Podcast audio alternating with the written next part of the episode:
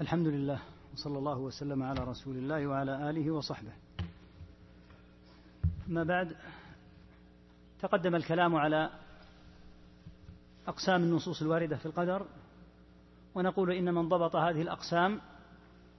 تحقق له أمر رابع في هذه النصوص وهو الانتفاع الانتفاع والاستفادة من ثمار ثمار الإيمان بالقدر كما قال تعالى ما أصاب من مصيبة في الأرض ولا في أنفسكم إلا في كتاب من قبل أن نبرأها إن ذلك على الله يسير لكي لا تأسوا على ما فاتكم ولا تفرحوا بما آتاكم فللقدر ثمار عظيمة منها الرضا بما قدره الله عز وجل مما يكون شديدا على النفوس من المصائب المؤلمة ومنها عدم الفخر وعدم الاغترار بالنفس إذا وفق الإنسان في تجارة أو دراسة أو علم أو نحوه لأنه يعلم أن هذا بتوفيق الله لكي لا تأسوا على ما فاتكم ولا تفرحوا بما آتاكم فهذه الآثار العظيمة للقدر والثمار لا تكون إلا لمن حقق الإيمان بالقدر على النحو الذي ذكرنا يقول رحمه الله تعالى ومن صفات الله تعالى أنه الفعال لما يريد فما أراده الله تعالى فعله لا يمنعه مانع سبحانه وتعالى ولهذا قال تعالى فعال لما يريد فما أراده الله تعالى فإنه يفعله لا يملك أحد أن يحول بينه وبين ما أراد عز اسمه وتقدس وتعالى قال لا يكون شيء إلا, إلا بإرادته لا يمكن أن يقع أمر إلا إذا أراده الله إنما أمره إذا أراد شيئا أن يقول له كن فيكون وهكذا الأمور لا تقع جبرا عن رب العالمين حاشاه من ذلك فما يكون من شيء إلا إذا شاءه الله ولهذا حتى الأشياء التي هي على خلاف شرعه لا يمكن أن تقع إلا إذا شاء قال الله عز وجل ولو شاء الله ما اقتتلوا ولو شاء الله ولو شاء ربك لانتصر ولو شاء ولو شاء ربك ولو شاء الله لانتصر منهم ونحو ذلك من الآيات فكل أمر يقع فهو بإرادته لا يقع أمر جبرا عنه كما يكون في ملوك الدنيا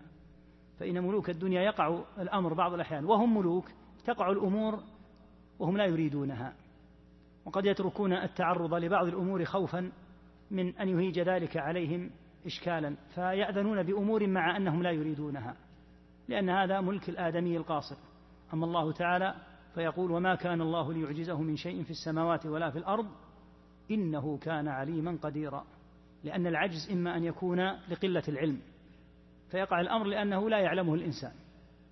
أو لضعف القدرة فبين تعالى أنه لا يمكن أن يقع شيء يعجز الله وبين أنه هو العليم القدير ومن كان عنده العلم والقدرة فإنه يمكنه أن يمنع ما أراد ولا يكون ذلك على وجه الكمال إلا لله تعالى ولا يخرج عن شيء, شيء عن مشيئته وليس في العالم شيء يخرج عن تقديره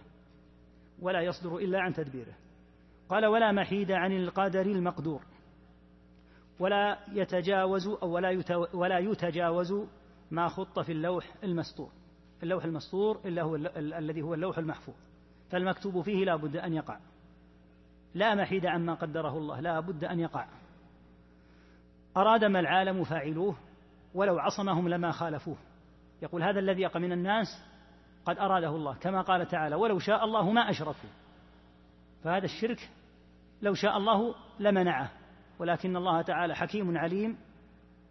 يشاء الشيء لحكمة يعلمها قال ولو عصمهم لما خالفوه لو أن الله تعالى وفقهم وسددهم كما سدد أهل الإيمان لا لسلموا من المخالفة ولكن الله يخذل من يشاء ويكله إلى نفسه فيقع في المخالفة ولو شاء أن يطيعوه جميعا لأطاعوه لو أن الله تعالى أراد أن يكون الناس على حد أهل السماء في الطاعة لكان ذلك لكنه تبارك وتعالى قد ابتلاهم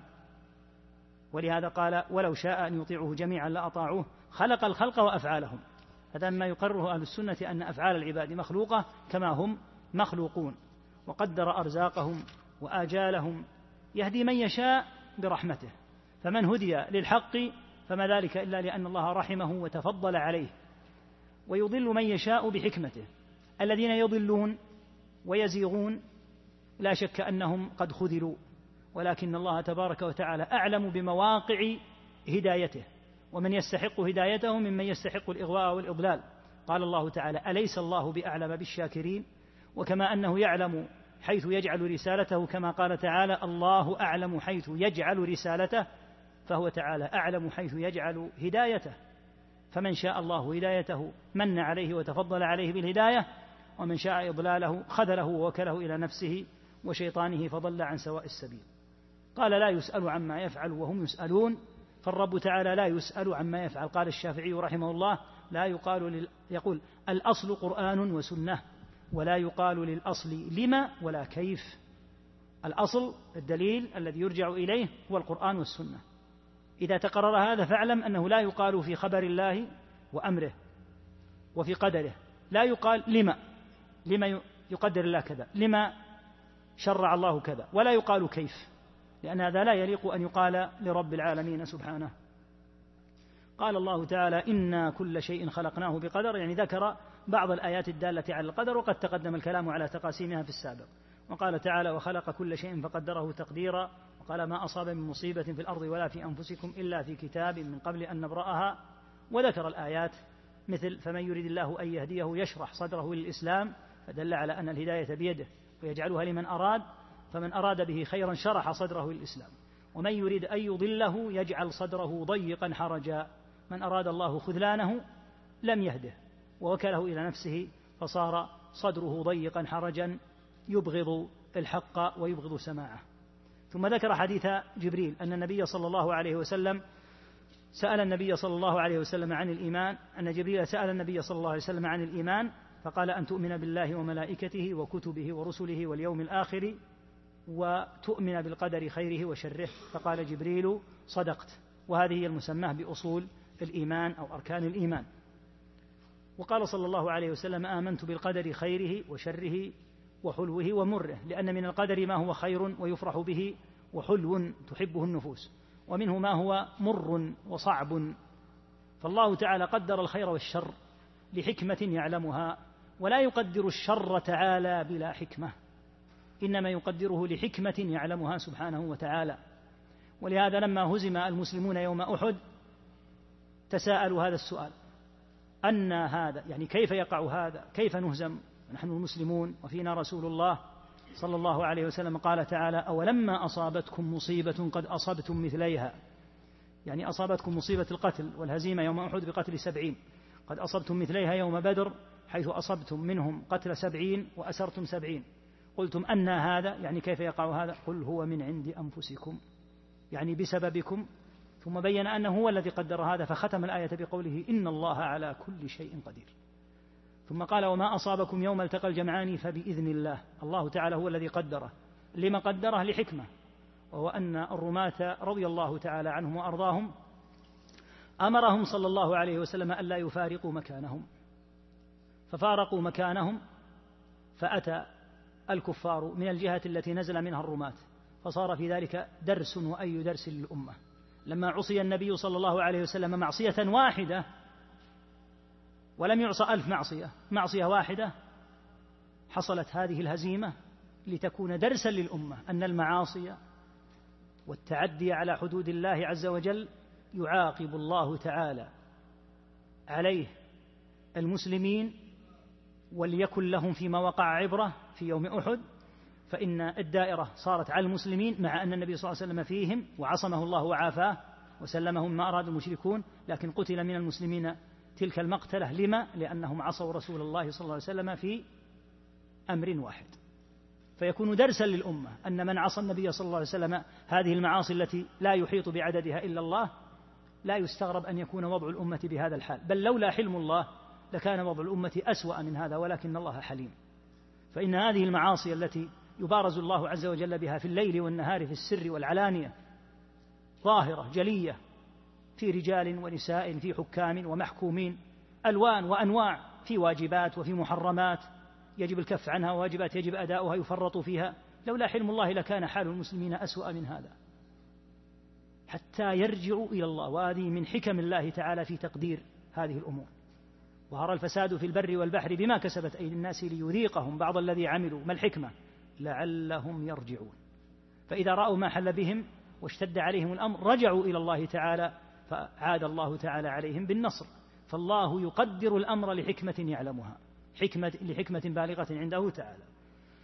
ومن دعائه صلى الله عليه وسلم وقني شر ما قضيت أي أن القدر يشمل الخير وحتى الشر ثم نبه إلى القسم الثاني الذي ذكرناه ولا نجعل قضاء الله وقدره حجة لنا في ترك أوامره واجتناب نواهيه وهو القسم الثاني المتعلق بالعبد إذا أثبتت هذا لله تعالى فليس معنى ذلك أنك تجعل القضاء والقدر حجة في أن تترك أوامر الله وتقول هذا أمر مقدر أو أن أو أن تقترف النواهي والمعاصي وتقول هذا مقدر بل يجب أن نؤمن ونعلم أن لله الحجة علينا بإنزال الكتب وبعثة الرسل عليهم الصلاة والسلام قال تعالى رسلا مبشرين ومنذرين لئلا يكون للناس على الله حجة بعد الرسل ثم نبه إلى أمر الاستطاعة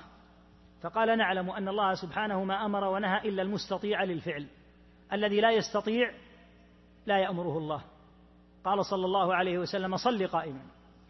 فالواجب أن لا تصلى الصلاة من قبل المسلم الفريضة إلا وهو قائم فإن لم تستطع تغير الحكم فصل قاعدا فإن لم تستطع فعلى جنب فلا لا يتوجه الأمر إلا للمستطيع أما العاجز وغير القادر فإنه لا يلحقه ضرر لا, لا يلحقه ملامة ولهذا قال تعالى ولله على الناس حج البيت من استطاع أما الذي لا يستطيع فلا يلزمه الكلام على من يستطيع فليس له وهو المستطيع الذي أقدره الله وأمده بالآلات وبالسمع والبصر وبالقدرة والإرادة والمشيئة والعقل والتمكن ليس له أن يترك ما أمر الله أو يقترف ما نهى عنه ثم يقول إن هذا قد قدر علي قال ونعلم أنه تعالى لم يجبر أحدا على معصية ولا اضطره إلى ترك طاعة فإنه لا يقال إن الله أجبرهم إجبارا بل لهم كما قال تعالى مشيئة وما تشاءون إلا أن يشاء الله ثم ذكر قوله تعالى لا يكلف الله نفسا إلا وسعها وقوله تعالى فاتقوا الله ما استطعتم وقوله تعالى اليوم تجزى كل نفس بما كسبت كل هذه دلالات على القسم الثاني الذي قلنا إثبات ما يتعلق بالعبد قال فدل على أن للعبد فعلا وكسبا يجزى على حسنه بالثواب وعلى سيئه بالعقاب وهذا الفعل الواقع من العبد هو واقع بقضاء الله وقدره ولهذا قال أهل العلم إن للعبد نوعين من الأفعال أفعال اختيارية هي التي يكون عليها الثواب والعقاب وأفعال غير اختيارية لا يلام العبد فيها الأفعال غير الاختيارية أمثلتها كثيرة كحركة المرتعش المرتعش الذي تستمر يده أو جسمه يتحرك لا يقال إن هذا يعبث في الصلاة لأن هذه حركة غير إرادية فهو منذ أن يكبر حتى يسلم هو يتحرك لكنه لا يستطيع ألا يتحرك بخلاف الذي يتحرك حركات كثيرة ليس مرتعشا فيقال بطلت صلاتك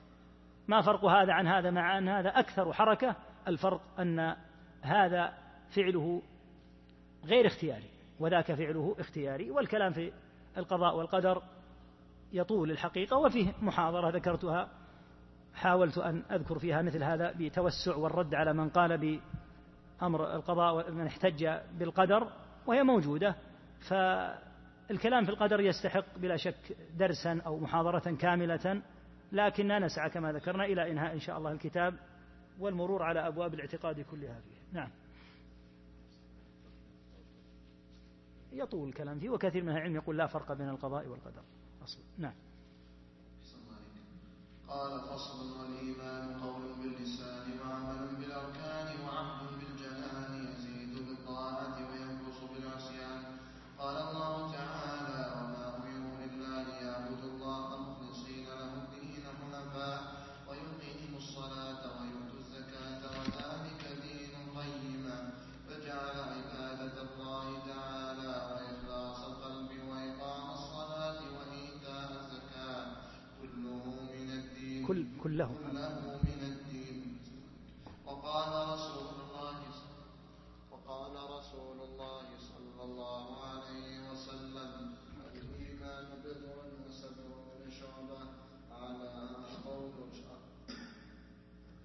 ولا شافع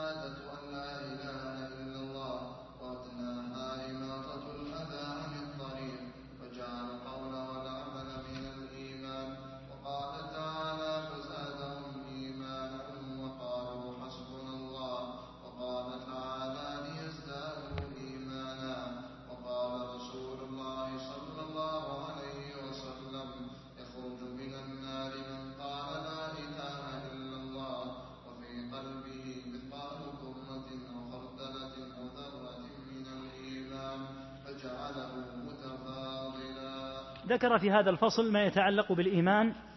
وذكر أقسام المسائل المذكورة في الإيمان والإيمان المسائل المذكورة الكبار فيه ثلاث المسألة الأولى حقيقة الإيمان ما هي حقيقة الإيمان أجاب عنها بقوله الإيمان قول باللسان وعمل بالأركان وعقد أي اعتقاد بالجنان أي بالقلب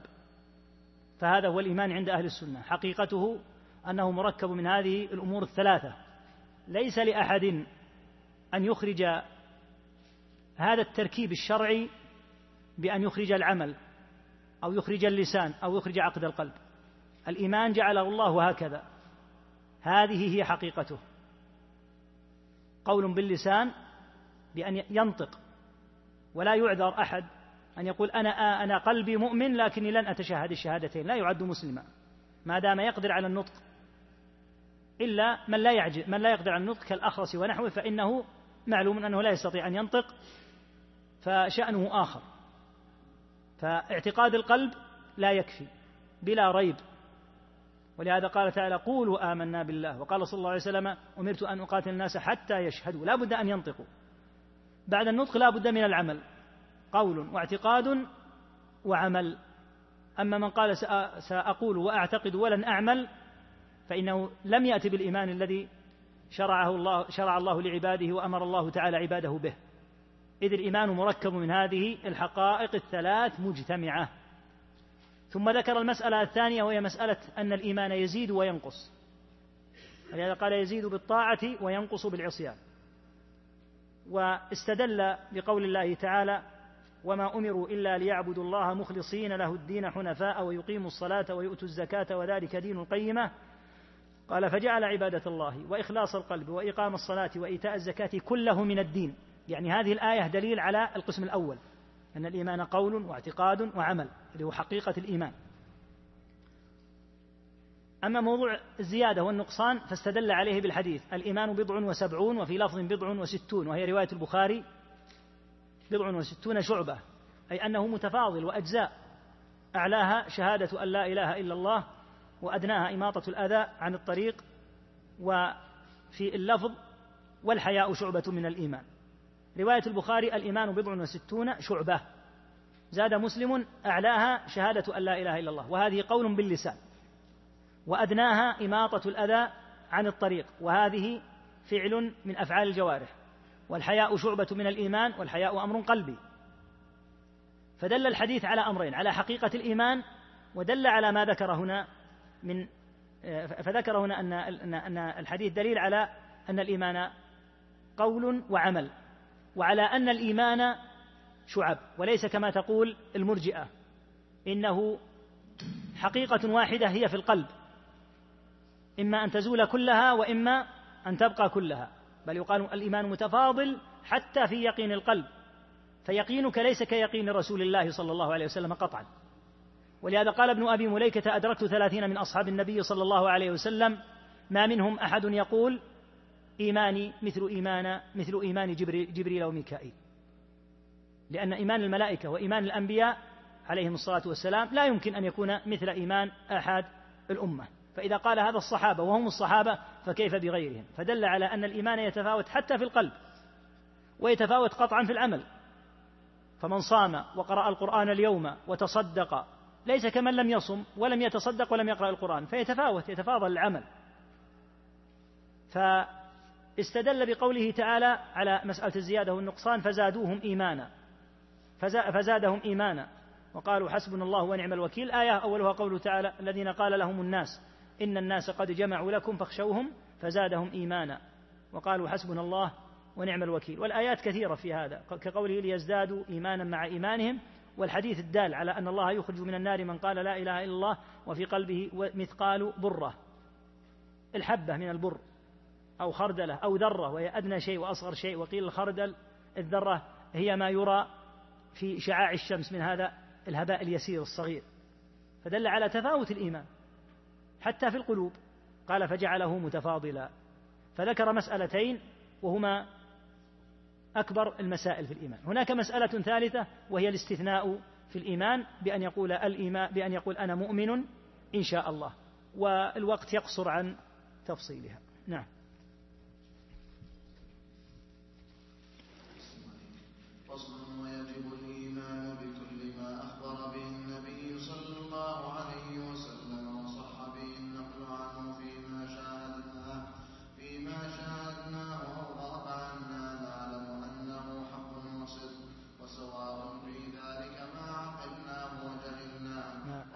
عقلنا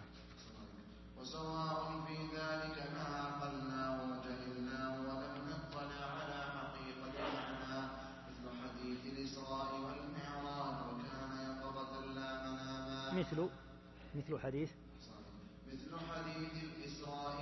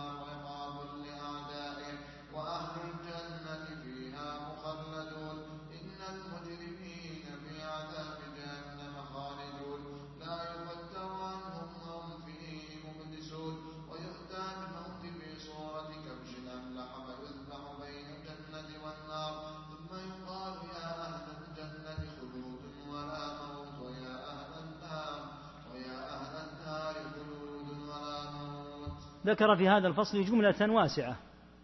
أجملها رحمه الله تعالى داخلة في ما أخبر به عليه الصلاة والسلام من مسائل غيبية عظيمة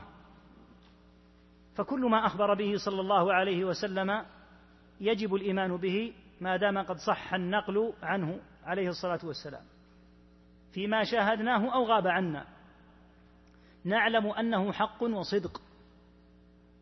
وسواء في ذلك ما عقلناه وجهلناه ولم نطلع على حقيقه معناه لان من امور الغيب ما لا يطلع على حقيقه معناه فالجنه فيها امور عجيبه والنار فيها امور عجيبه فاهل النار اذا رموا فيها لا يفنون النار في الدنيا لو رمي احد فيها ما هي إلا مدة يسيرة فينتهي أما النار في الآخرة فإنه يستمر فيها لا يموت فيها ولا يحيا فهذا أمر لا تستطيع أن تعقله وأن تتبينه فلهذا لا يقيس أمر الآخرة على الجنة إلا من لم يعي الأمور ولم يفهم حقائقها فإن الجنة والنار والآخرة عموما لا يمكن أن تقاس بأمور الدنيا ومن ذلك القيام في ذلك الموقف في يوم كان مقداره خمسين ألف سنة ما الذي يقيتهم في هذه الفترة ليست خمسين يوما خمسين ألف سنة أين الطعام أين الشراب لا تقس الجنة لا تقس الآخرة على الدنيا فلهذا لا يعقل معنى هذه الأمور فنحن نؤمن بها لصحة الخبر بها ولو لم نطلع على حقيقة معناها بل إن الدنيا هذه التي نحن فيها تقع فيها امور لا يتبين الانسان حقائقها حتى يراها وتامل هذه الايه كما نبه ابن سعدي رحمه الله تعالى قال تعالى والخيل والبغال والحمير لتركبوها وزينه ويخلق ما لا تعلمون هل يمكن ان يعي احد ان البشر سيكون عندهم وسيله نقل غير الخيل والبغال والحمير هل يمكن ان يتصور احد وهو في الدنيا أن الإنسان يمكن أن يحلق في الهواء كما تحلق الطيور وأسرع من الطيور حتى يصل إلى ما لا يقطع إلا في المدد الطويلة يصله في يومه حتى في الدنيا لا يعقل هذا الأمر وكثير مما معك الآن مثل جوالك وحاسبك وغيره لو تحدث به أحد من الناس من منذ سنوات يسيرة لحكموا بأنه مجنون قبل أن يطلع عليه الناس هذا في الدنيا في أمور من, من أمور الدنيا رآها من رآها حين فتحت على الناس ولا يستطيع العبد أن يتخيلها وهي في الدنيا فما بالك بأمور الآخرة ولهذا ما جعل للعباد من هذه الآيات هو في الحقيقة حجة عليهم لأن هذا ما دام قد وقع وتحقق في الدنيا فما بالك بالآخرة ولهذا قد لا نحيط علما بمثل هذه الأمور الغيبية فنؤمن بها وإن لم نحيط بها علما فحديث الإسراء والمعراج الإسراء أسري بالنبي صلى الله عليه وسلم إلى بيت المقدس والمعراج هو العروج به إلى السماء الدنيا وعاد صلى الله عليه وسلم من ليلته هذا أمر لما سمعته قريش اشتد إنكارهم له لأن الإسراء والمعراج قطعا كان يقظة لا مناما لو كان رؤيا قال إنسان أنا رأيت أني ذهبت إلى السماء ونحوه ما اشتد إنكارهم وهذه رؤيا من الرؤى لكن لأنه قال إنه أسري به حقيقة وأسري به قطعا بروحه وجسده صلى الله عليه وسلم ثم عاد من يومه عاد من ليلته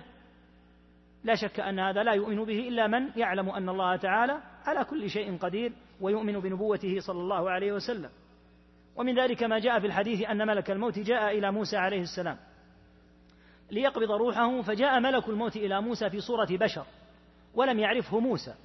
فلما كان أتى إلى موسى ليقبض روحه لطمه موسى عليه الصلاة والسلام على اعتبار أنه بشر لأنه أتاه في صورة بشر ففقأ عينه وهذا الحديث ثابت فرجع إلى ربه فرد عليه عينه هذا الحديث مما يثبته أهل السنة ولا إشكال فيه وإن قالت المعتزلة وأضرابهم وخلفائهم في هذا الوقت إن قالوا فيه ما قالوا موسى عليه الصلاة والسلام أتاه رجل ليقبض روحه فلطمه وكان قويا عليه الصلاة والسلام موسى عليه الصلاة والسلام معلوم بقوته ومعروف بذلك ولهذا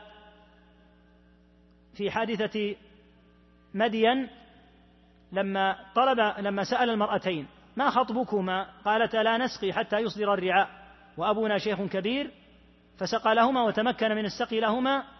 بطريقة لا, لا يتمكن منها إلا عدد من الرعاة ولهذا قالت إحداهما يا أبت استأجره إن خير من استأجرت القوي الأمين لأنه كان قويا وكان أمينا عليه صلاة الله وسلامه ومن ذلك أشراط الساعة الأشراط هي العلامات وأشراط الساعة نوعان منها أشراط صغرى وهي كثيرة جدا ومنها ما نحن فيه واقعون الآن كثيرة للغاية كقوله عليه الصلاة والسلام من أشراط الساعة أن يظهر الشح ويقل العلم ويكثر الجهل ومنها قوله أن يشرب الخمر ويظهر الزنا وهذه أشياء كثيرة ومنها قوله يوشك أن تداعى عليكم الأمم كما تداعى الأكلة إلى قصعتها إلى غير ذلك من الأحاديث التي أخبر بها صلى الله عليه وسلم وقعت منها ما يكون إخبارا وتوصيفا لحال الأمة ومنها ما يربطه بالأشراط كما في الحديث الذي قلنا إن من أشراط الساعة أن يظهر الجهل ويقل العلم ويشرب الخمر ويظهر الزنا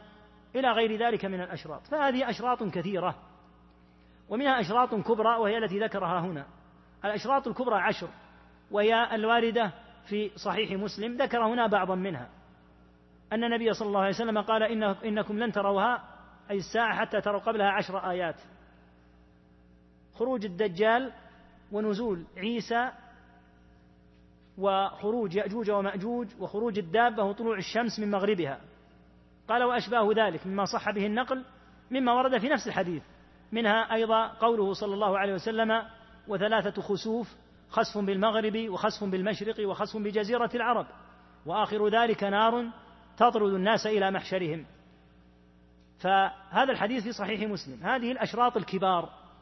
أشراط الساعة الكبار كأنها عقد الخرز إذا وقعت الأولى لحقتها البقية على أثرها فتقع متوالية أما الأشراط الصغار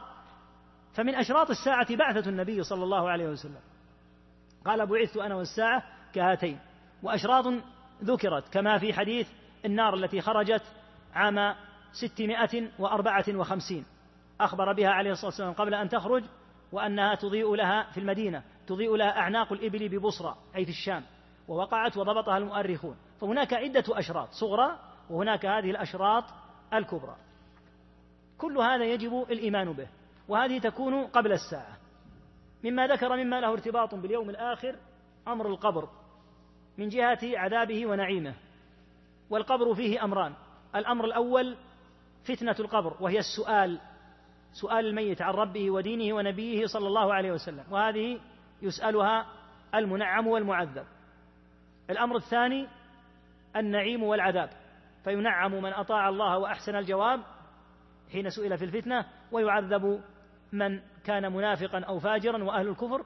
وكذا يعذب في القبور بعض المسلمين على معاصي والأدلة فيه كثيرة ويطول المقام لو ذكرت الذنوب التي يعذب عليها الناس وأمر صلى الله عليه وسلم به أي بالتعوذ منه في كل صلاة وفتنة القبر حق وسؤال منكر ونكير حق فتنة القبر تبينت سؤال منكر ونكير هو أن يسأل العبد عن ربه ودينه ونبيه ثم تحدث عن البعث والبعث بعد الموت حق ومعنى البعث إحياء الأموات جميع الأموات ويبعث كل أحد من الإنس والجن والطيور والدواب كما قال تعالى وما من دابة في الأرض ولا طائر يطير بجناحيه إلا أمم أمثالكم ما فرطنا في الكتاب من شيء ثم إلى ربهم يحشرون كلها حتى الدواب والطيور والإنس والجن جميع الخلق قال تعالى ذلك يوم مجموع له الناس وذلك يوم مشهود حين ينفخ إسرافيل إسرافيل هو الملك الموكل بالنفخ في الصور فينفخ بإذن الله عز وجل في الصور فيخرج الناس من قبورهم فإذا هم من الأجداث إلى ربهم ينسلون يحشر الناس يوم القيامة على هذه الحالة كما خلقوا يعودون كما بدأهم ربهم تعالى كما بدأنا أول خلق نعيده الإنسان الإنسان حين خلق خلق بلا ثياب بلا نعال بلا مال فيعود يوم القيامة هكذا حفاة أي بلا نعال عراة بلا ثياب عراة بلا ثياب غرلة الغرلة يعني يعودون غير مختونين حتى الختان الذي ختنه الإنسان يعود الأمر فيه كما كان قال تعالى كما بدأنا أول خلق نعيده بهما لا مال عندهم أنت حين خرجت من بطن أمك كم كان عندك من المال كنت لا تملك شيئا فيعود الإنسان كما كان ويتبين على حقيقته فيقفون موقف القيامة موقف طويل عظيم إلا على من سهله الله عليه ويسره حتى يأذن الرب في الشفاعة وهذه الشفاعة هي الشفاعة العظمى وهي خاصة بالنبي صلى الله عليه وسلم بأن يأذن الرب بفصل القضاء بين الخلق لأنهم يطول مقامهم وحبسهم فيطلبون من آدم ثم من نوح ثم من إبراهيم ثم من موسى ثم من عيسى إلى أن يصلوا إلى محمد صلى الله عليه وسلم أن يشفع لهم إلى ربهم لأنهم طال مقامهم فلا يشفع صلى الله عليه وسلم ابتداء لأن الشفاعة لله قال تعالى قل لله الشفاعة جميعا بل يستأذن الله لأن الشفاعة لله والله هو الذي يأذن بالشفاعة فيأذن سبحانه وتعالى بالشفاعة في أهل الموقف ويحاسبهم الله تبارك وتعالى وتنصب الموازين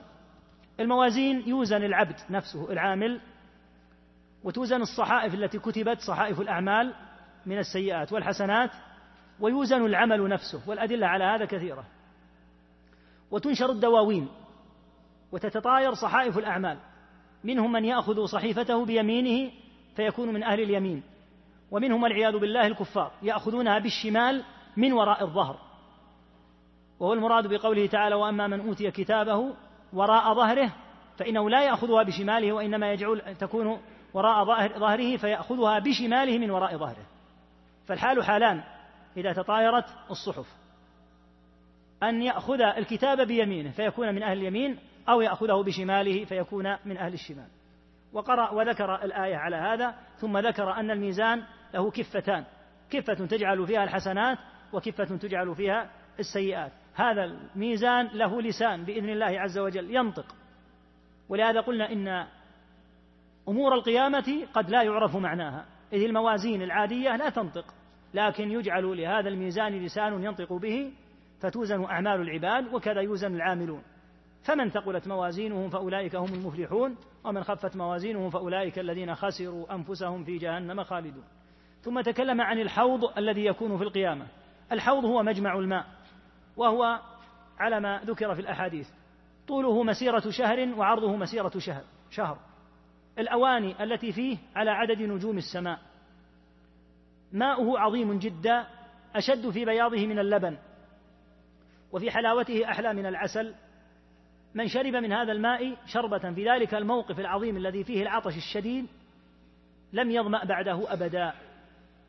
ثم تكلم عن الصراط هذا الصراط يجعل على أصل الصراط الطريق يجعل هذا الجسر على متن جهنم فيمر الناس على هذا الصراط ويتفاوتون في المرور لا بحسب قوة الأبدان ولكن بحسب قبول الله لأعمالهم من أهل الإيمان فيتفاوتون تفاوتا عظيما في مرورهم منهم من يمر كأنه, كأنه البرق ومنهم من يمر كأجاويد الخيل ومنهم من يمر يشد كشد كأشد الرجال ومنهم من يمشي مشيا ومنهم من يزحف زحفا وفي الصراط كلاليب موكلة بأناس يعلمهم الله تعالى قد قضى الله أن يكونوا من أهل النار فإذا مروا خطفتهم هذه الكلاليب وألقوا في النار من سقط من هذا الصراط صار من أهل النار ومن نجا من هذا الصراط نجا من دخول النار فالمقام مقام عظيم مقام الصراط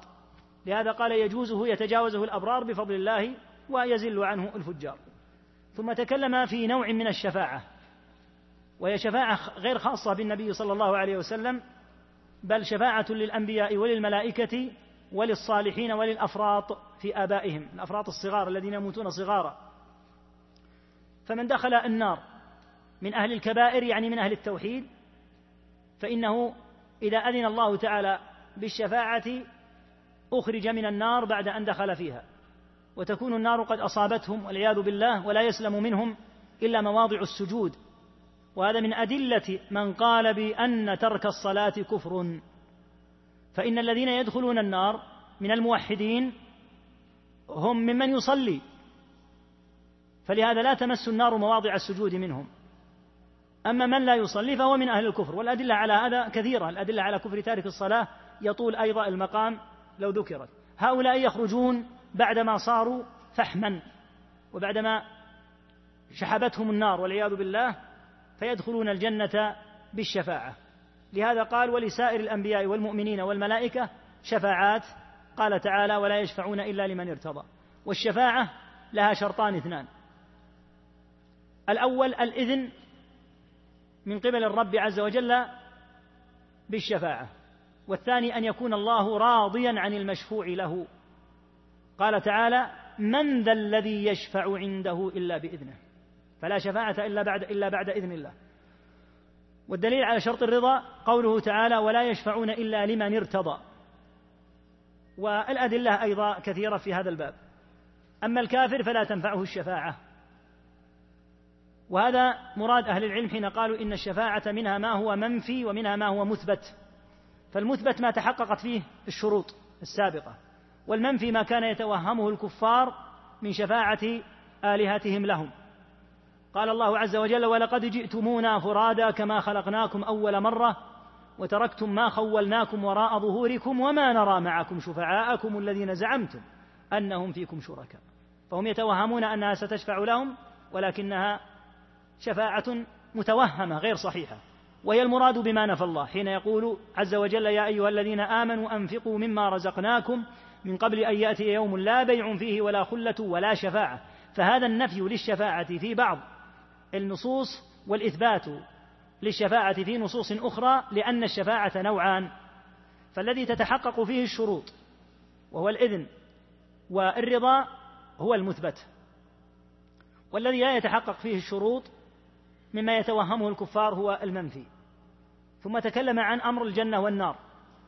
ولا يوصل الى الجنه والنار الا بعد الجزاء والحساب ان الله تعالى يجازي ويحاسب العباد جميعا كما تقدم في اول الدرس يحاسبهم جميعا لا يشغله تعالى حساب هذه المليارات عن بعضها يحاسبهم جميعا والله سريع الحساب سبحانه وبحمده وهذا مما قلنا انه لا يقاس في نصوص الصفات فإن الله يحاسب هؤلاء جميعا مرة واحدة ولا يحاسب هؤلاء الخلائق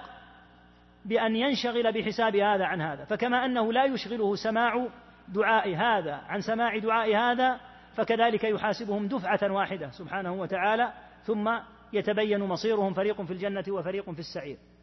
بعد ذلك يأتي أمر الإيمان بالجنة والنار وأنهما مخلوقتان والإيمان بأنهما مخلوقتان أي مخلوقتان الآن كما دل على هذا النصوص الدالة على خلق الجنة بقوله أعدت للمتقين وعلى خلق النار بقوله أعدت للكافرين وثبت في النصوص أن صاحب القبر يفتح له باب إلى الجنة إن كان من أهل النعيم أو باب إلى النار من إن كان من أهل العذاب وثبت أنه صلى الله عليه وسلم رأى معذبين من أهل النار وثبت أنه رأى الجنة صلى الله عليه وسلم فلا شك انهما موجودتان الان ولا شك انهما لا تفنيان فالجنه لا تفنى ابدا وكذلك النار لا تفنى الجنه دار اهل الايمان قال تعالى عطاء غير مجذوذ اي لا ينقطع واهل النار من دخلها قسمان اما ان يكون من عصاه الموحدين فيدخل في النار مده يشاؤها الله ثم يرجع الى دار الموحدين فيكون من اهل الجنه بعد ان أخذ ما شاء الله من مدة العذاب في النار ثم يبقى في النار من حبسهم القرآن كما في الحديث وهم أهل الكفر وأهل الشرك الأكبر الذين لا طمع لهم في الخروج منها أبدا ولا طمع لهم أيضا في الموت قال تعالى لا يموت فيها ولا يحيا وقالوا يا مالك ليقضي علينا ربك قال إنكم ماكثون فهم لا يخرجون منها لا يخرجون منها أهل الكفر أبد الآباد لأنهم والعياذ بالله خلقوا لها نسأل الله السلامة والعافية قال تعالى ولقد ذرأنا لجهنم كثيرا من الجن والإنس فهم مخلوقون لها ومما ذكر أيضا أن الموت يؤتى به في صورة كبش أملح يؤتى بالموت وقد مر على جميع هؤلاء الناس وعرفوه فلهذا إذا رفع وجعل بين الجنة والنار وشرأبوا قيل أتعرفون هذا فكلهم قد رآه فيقولون نعم فيذبح الموت وليس ملك الموت يذبح الموت نفسه يجعل الموت نفسه بأمر الله تعالى في صورة كبش أمله فيذبح نفس الموت إذا ذبح نفس الموت لا لا يكون هناك مجال بتاتا للوفاة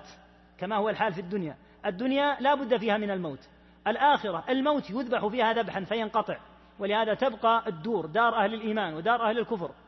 دار أهل الإيمان الجنة ودار أهل الكفر النار تبقيان دائمين فلا موت ولهذا ينادون يا أهل الجنة خلود فلا موت ويا أهل النار خلود فلا موت نعم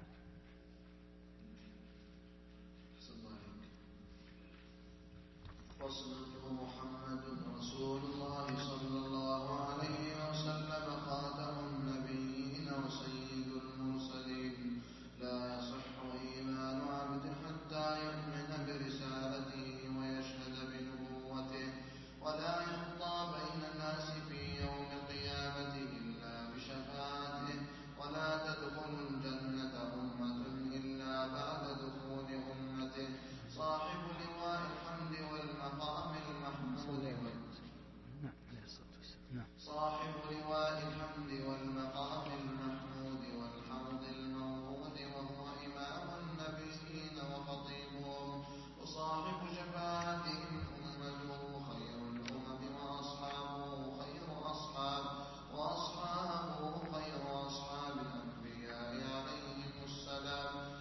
ذكر ما يتعلق بنبينا محمد صلى الله عليه وسلم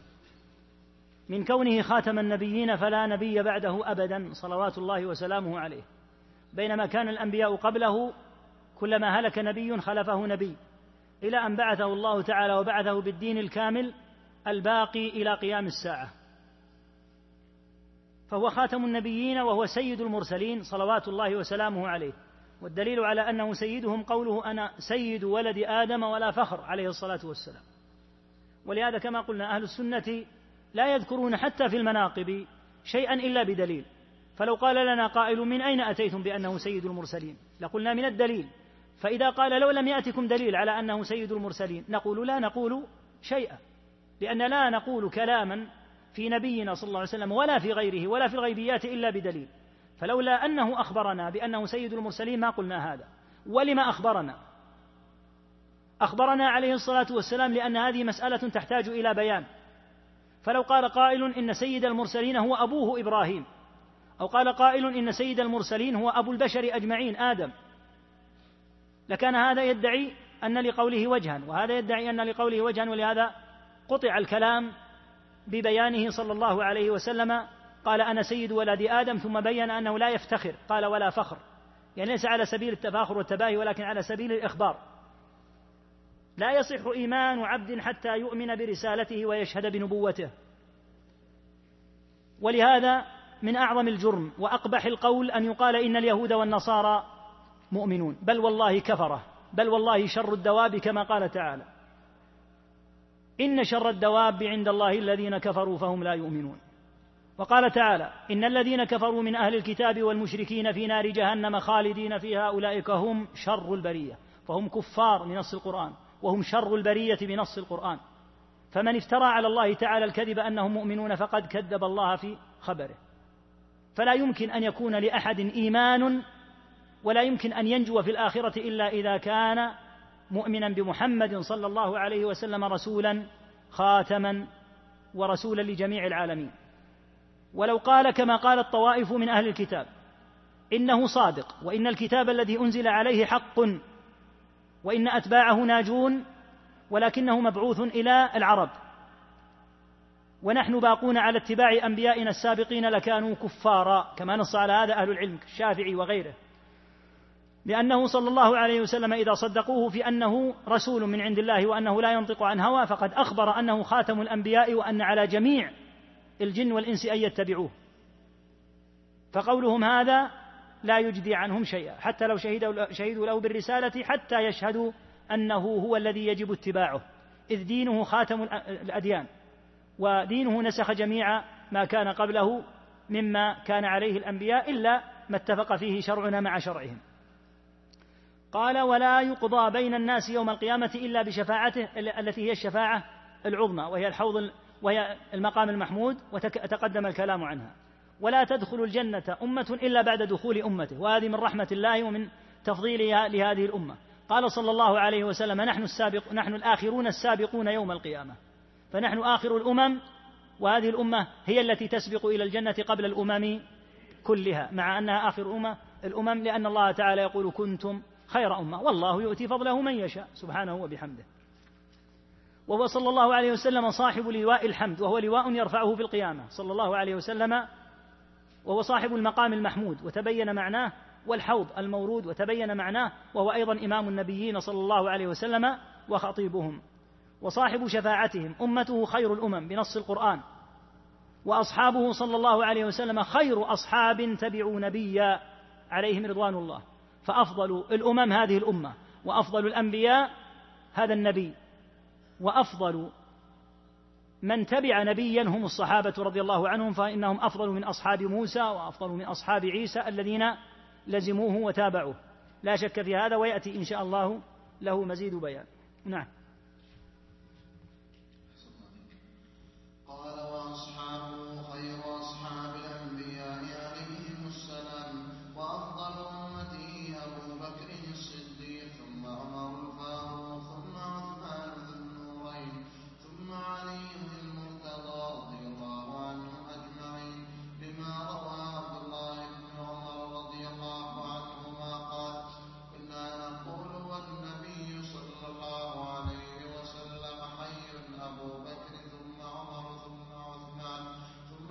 هذه الكلمة اشطبها ليست في الصحيح ما أدري سبحان الله كيف وجدت هذه هذه خطأ وليس في نسخ الصحيح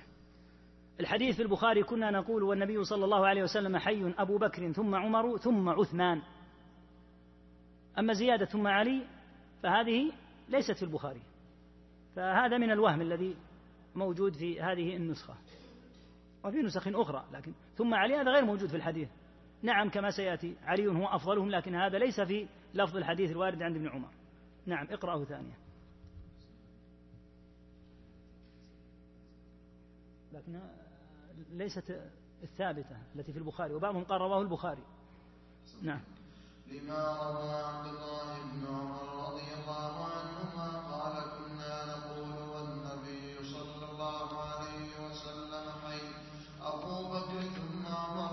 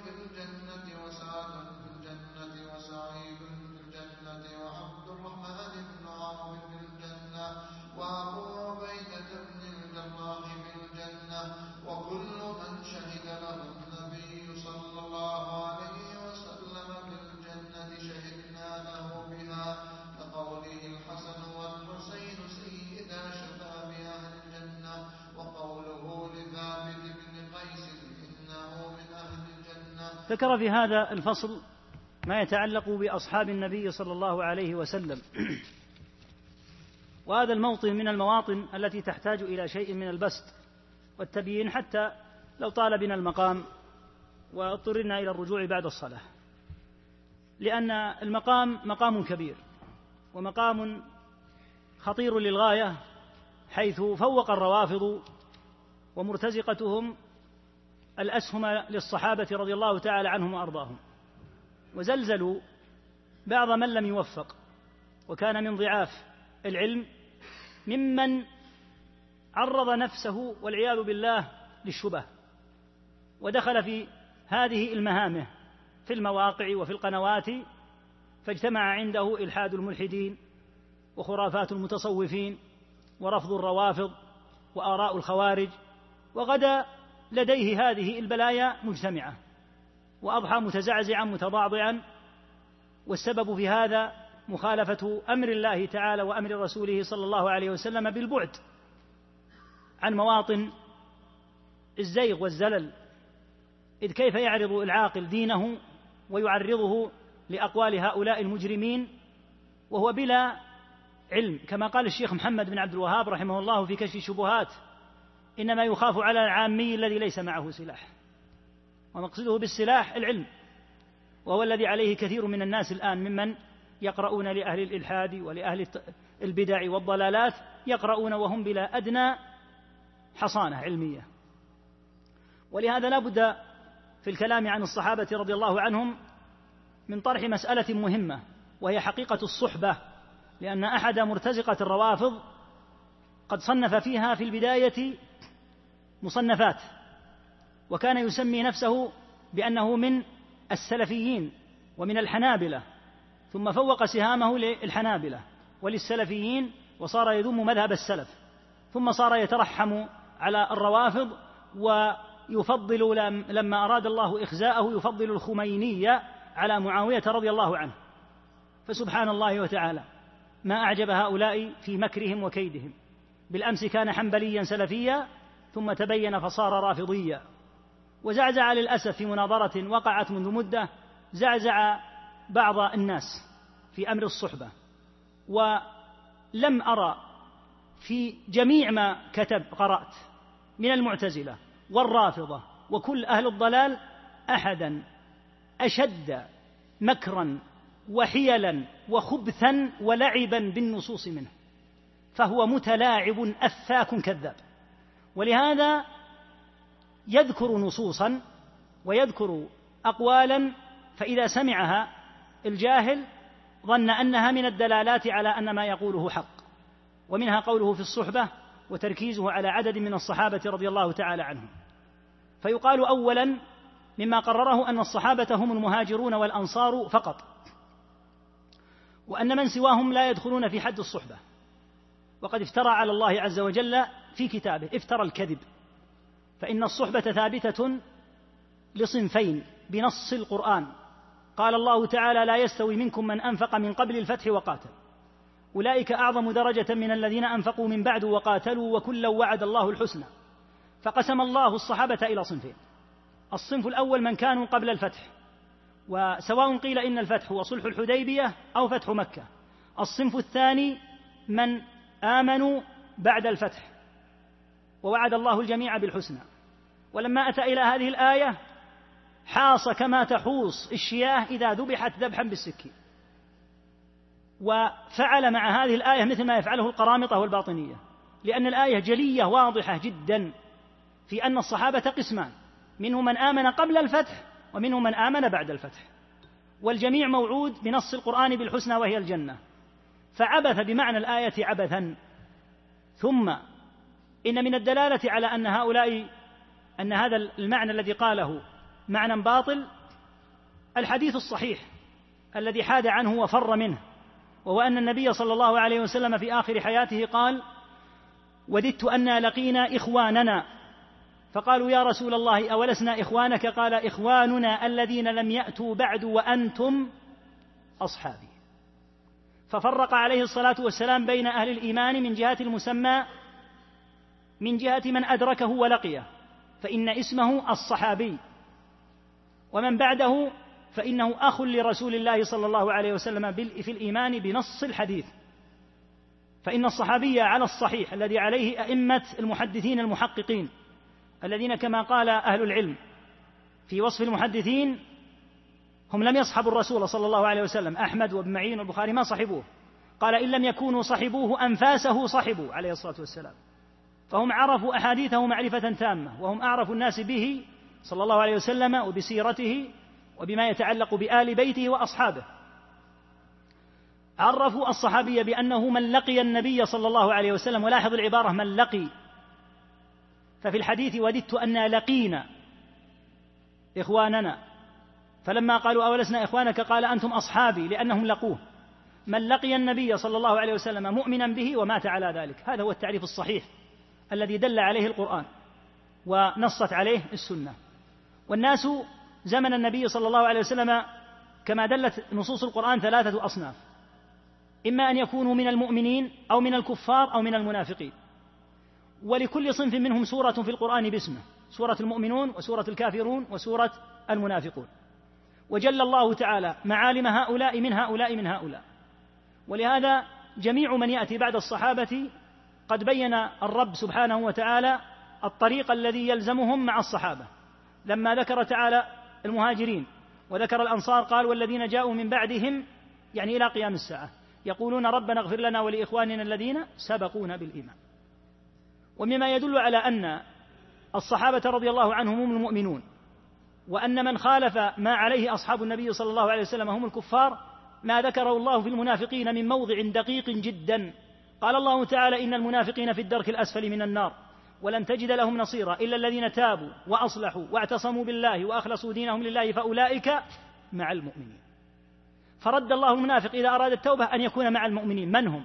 أي الصحابة رضي الله تعالى عنهم وقال الله عز وجل إن الذين آمنوا وهاجروا وجاهدوا في سبيل الله والذين آووا ونصروا أولئك هم المؤمنون حقا فالتائب من النفاق إذا أراد العودة إلى التوبة يعود إلى أن يكون مع المؤمنين وهؤلاء الذين مع وهؤلاء المؤمنون هم الذين يكون يكونون مع النبي صلى الله عليه وسلم والذين ذكرهم الله في قوله في أكثر من موضع والذين آمنوا معه وهم الذين يكونون معه في الآخرة يوم لا يخزي الله النبي والذين آمنوا معه وهم الذين أنجاهم الله تعالى مع الأنبياء قبلهم هم أصحاب الأنبياء نجينا هودا والذين آمنوا معه فأهل الإيمان من أهل الكفر من أهل النفاق جليون واضحون فأراد الروافض وخدمهم أن يجعلوا أصحاب النبي صلى الله عليه وسلم منافقين وأن يجعلوهم كفارا فضربوا آيات القرآن بعضها ببعض وقالوا إن الإيمان لا يثبت إلا لخمسة علي والحسن والحسين وفاطمة و ربما أدخلوا عمارا وفلانا وتلك الأمم الألوف الذين فتح الله عز وجل بهم الفتوح وهاجروا وأثنى الله على سويداء قلوبهم وبين تعالى أنهم مخلصون بقوله سبحانه وتعالى للفقراء المهاجرين للفقراء للفقراء المهاجرين الذين أخرجوا من ديارهم وأموالهم ماذا يريدون يا ربنا ما مقصدهم يبتغون فضلا من الله ورضوانا وينصرون الله ورسوله أخبر تعالى بمقصدهم ولما ذكر تعالى أهل الشجرة قال سبحانه فعلم ما في قلوبهم يعني من الإيمان فجعل من دون ذلك فتحا قريبا فزكى الله ما في قلوبهم وشهد لهم سبحانه وتعالى بأنهم ذو قلوب مؤمنة فأبت الروافض إلا أن تشن الحملة على هؤلاء الصحابة رضي الله عنهم واعلم أن الحملة على أصحاب النبي صلى الله عليه وسلم قد شنها الرافضة كما نبه ابن حزم الفرس منهم حيث إن عمر رضي الله عنه قد أسقط حضارة المجوس التي بقيت مئات السنين قيل إنها بقيت أربعة آلاف, أربعة آلاف سنة فأسقطها رضي الله عنهم وأسقطها الصحابة في ظرف سنين عديدة فاشتد ذلك عليهم فحملوا على الصحابة حملة وثنية صبغوها باسم أنهم يحبون آل بيت النبي صلى الله عليه وسلم وأنهم يريدون أن ينصروهم وصوروا الصحابة بأنهم ظلموا أصحاب النبي صلى الله عليه وسلم على الهيئة التي صوروها مع بطلان ما قالوه فحري بطالب العلم أن يضبط أمر الصحبة ما معناه ويكون فيه دقيقا ويضبطه من نصوص القرآن ومن نصوص السنة كما بينا وأن يعلم أن أهل الإيمان قد بينهم الله ووضح خصالهم وأهل الكفر قد وضح خصالهم وأهل النفاق قد وضح خصالهم فنحن حين ندعو لمن كان قبلنا والذين جاءوا من بعدهم يقولون ربنا اغفر لنا ولاخواننا الذين سبقونا بالايمان محددون واضحون لا ندعو لمن لا نعلم اذا قيل ان الصحابه قد امتزج فيهم كما يقول هذا الرافضي قد امتزج فيهم المؤمن بالكافر فالصحبه لكل مؤمن وكافر لمن ندعو والله تعالى قد اخبر في كتاب سماه تعالى بالهدى والشفاء والنور والضياء لا يجلي صحبة محمد صلى الله عليه وسلم من أصحاب محمد من أعدائه خصومه من الكفار والمنافقين فهذه الحملة التي حملوها لا شك أنهم حملوها قاتلهم الله لحزازات مجوسية لديهم ولهذا ركز رحمه الله تعالى على هذا الأمر وسنأخذه واحدة واحدة إن شاء الله تعالى بعد الأذان لعظم هذا الأمر وكبر قدره وعل الله عز وجل أن ييسر في هذا كتابه فإن هذه المسألة قد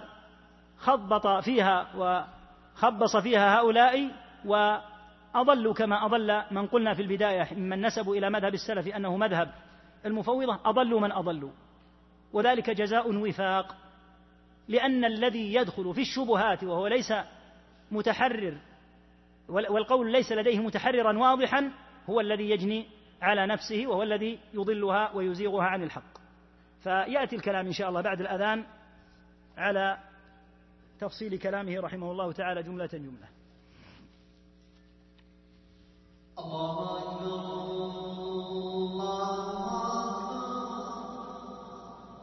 Allah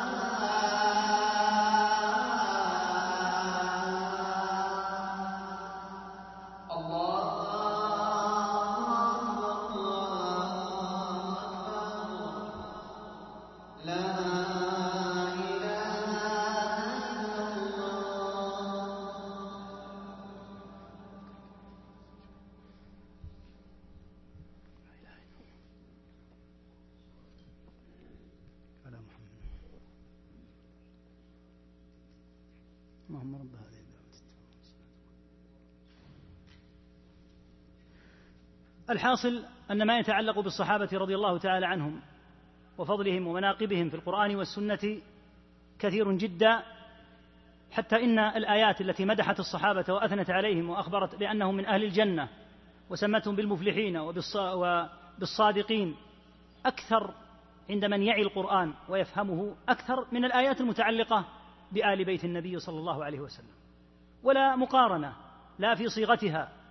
والشهاده بالجنه للصحابه رضي الله عنهم والمدح البالغ البين لهم فمن عجائب الرافضه ان يصيحوا ويفرحوا بقوله تعالى عن ال بيت النبي صلى الله عليه وسلم انما يريد الله ليذهب عنكم الرجس اهل البيت ويطهركم تطهيرا نقول على العين والراس ومن قال في ال بيت النبي صلى الله عليه وسلم كلمة لا تليق نحن نتولاهم جميعا بحمد الله لكن ألا تقرؤون القرآن ألا تجدون ما قال الله في, الفق... في المهاجرين وفي الأنصار وفي وعد الله عز وجل لهم بالجنة وفي تزكية الله لقلوبهم أتجدون مثل هذه الآيات في آل بيت النبي صلى الله عليه وسلم لا يجدون ومع ذلك يتركون الآيات الجلية الواضحة في الصحابة ويقولون إن فضل آل بيت النبي صلى الله عليه وسلم جلي في القرآن نعم والله جلي بحمد الله وأهل السنة يتولونهم جميعا ولكن هل الآيات الواردة في الصحابة في عددها وفي مدح الصحابة والشهادة لهم بالجنة والأسماء التي سماهم الله بها هل وجد مثلها لآل بيت مثلها لآل بيت النبي صلى الله عليه وسلم إلا تبعا للصحابة يعني الصحابي الذي يكون من آل بيت النبي صلى الله عليه وسلم لكن آل البيت من حيث اللفظة كما في قوله تعالى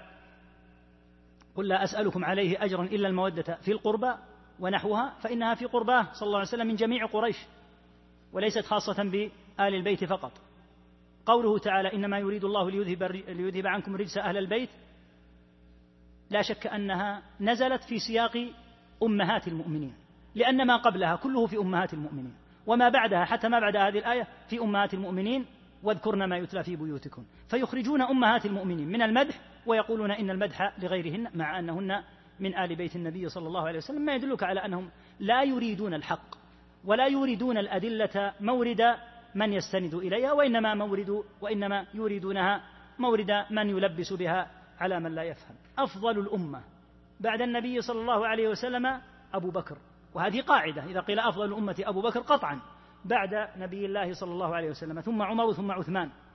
ثم علي رضي الله تعالى عنهم أجمعين وهذا أمر متفق عليه عند أهل السنة أن هؤلاء الأربعة أفضل الصحابة رضي الله عنهم أجمعين وذكر الحديث في البخاري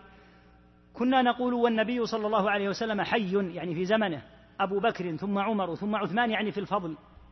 فيبلغ ذلك النبي صلى الله عليه وسلم فلا ينكره هذه رواية البخاري أما قوله ثم علي فهذه سواء وردت خارج البخاري أو كانت خطأ من الناسخ المعروف أنها ليست في البخاري ولكن لا شك أن عليا هو الرابع ولهذا قال صحت الرواية عن علي فاحتج بكلام لعلي وكلام علي وكلام آل البيت في مدح الصحابة كثير جدا والعجب من الرافضة أن في, كتب في كتبهم هم نقولات وروايات يمدح فيها آل بيت النبي صلى الله عليه وسلم أصحاب النبي صلى الله عليه وسلم وأما الذي يرويه أهل السنة عن آل البيت فكثير في مدح الصحابة فمع أن عندهم نقولات في مدح آل البيت للصحابة رضي الله تعالى عنهم إلا أنهم لا يكترثون بها مع علمهم أن علي رضي الله تعالى عنه وأرضاه لما زوجه النبي صلى الله عليه وسلم فاطمة فالنبي صلى الله عليه وسلم قد زوج عثمان بنتيه أم كلثوم وزينب والنبي عليه الصلاة ورقية والنبي صلى الله عليه وسلم تزوج بنت أبي بكر عائشة وتزوج بنت عمر حفصة ثم يعظمون من مصاهرة النبي صلى الله عليه وسلم لعلي ولا يرون أن عثمان قد صاهره النبي صلى الله عليه وسلم في ابنتين وأن النبي صلى الله عليه وسلم قد صاهر أبا بكر وعمر في بنت كل منهما فينظرون إلى ما يتعلق بعلي ويغضون الطرف عما سواه ويغضون الطرف عن مسألة أحرجتهم كثيرا وسببت أسئلة من عوامهم وهو أن الصحابة رضي الله عنهم قد زوجهم آل البيت من بناتهم وحتى في نصوص كتب الرافضة فإن عمر رضي الله عنه قد تزوج أم كلثوم بنت علي رضي الله تعالى عنهما عنهم أجمعين وولدت له ولدين فلماذا يزوج عليا عمر بنتا أبوها علي وأخوها الحسن والحسين وأمها فاطمة وجدها رسول الله صلى الله عليه وسلم لولا أن عمر عند علي أهل ومؤمن لا شك في ذلك وهكذا من الزيجات والأسماء وعلي رضي الله عنه سمى أبناءه باسم أبي بكر وباسم عمر فكيف يقولون إنهم يتباغضون ويتكارهون من أجبر عليا أن يسمي ابنه بأبي بكر وهكذا الحسن وهكذا عدد من أهل البيت يسمون أبناءهم بأسماء الصحابة رضي الله عنهم وبينهم مصاهرات ولهذا لما ظهرت هذه المسألة وبينها أهل السنة تساءل عوام الروافض وسألوا هؤلاء الذين أضلوهم هذه السنين ما القول في هذا فأفتوهم بحرمة الدخول في هذه المسألة لأنها لا جواب عنها وهم يعبثون بهم ويلعبون بهم عسى الله أن يبين الحق ليتضح هؤلاء العابثون الذين عبثوا بهؤلاء القوم هذا العبث مدة هذه السنين ثم روى أنه صلى الله عليه وسلم قال ما طلعت الشمس ولا غربت بعد النبيين والمرسلين على أفضل من أبي بكر ولا شك أنه كما ذكر أحق الصحابة بالخلافة رضي الله عنهم لفضله وسابقته ولأن النبي صلى الله عليه وسلم في مرض وفاته قد جعل أبا بكر هو الذي يصلي بالناس ومعلوم أن الأمر بأن يصلي بالناس إشارة واضحة إلى استحقاقه لأن يكون الخليفة من بعده لأن النبي صلى الله عليه وسلم هو الحاكم وهو الذي يصلي بالناس فجعله أبا بكر هو الذي يصلي لا شك أن فيه دلالة للصحابة ولهذا قالوا رضي الله عنهم رضيه رسول الله صلى الله عليه وسلم لديننا يعني بأن يجعله إماما لنا في الصلاة أفلا نرضاه لدنيانا يعني في أمر الحكم ثم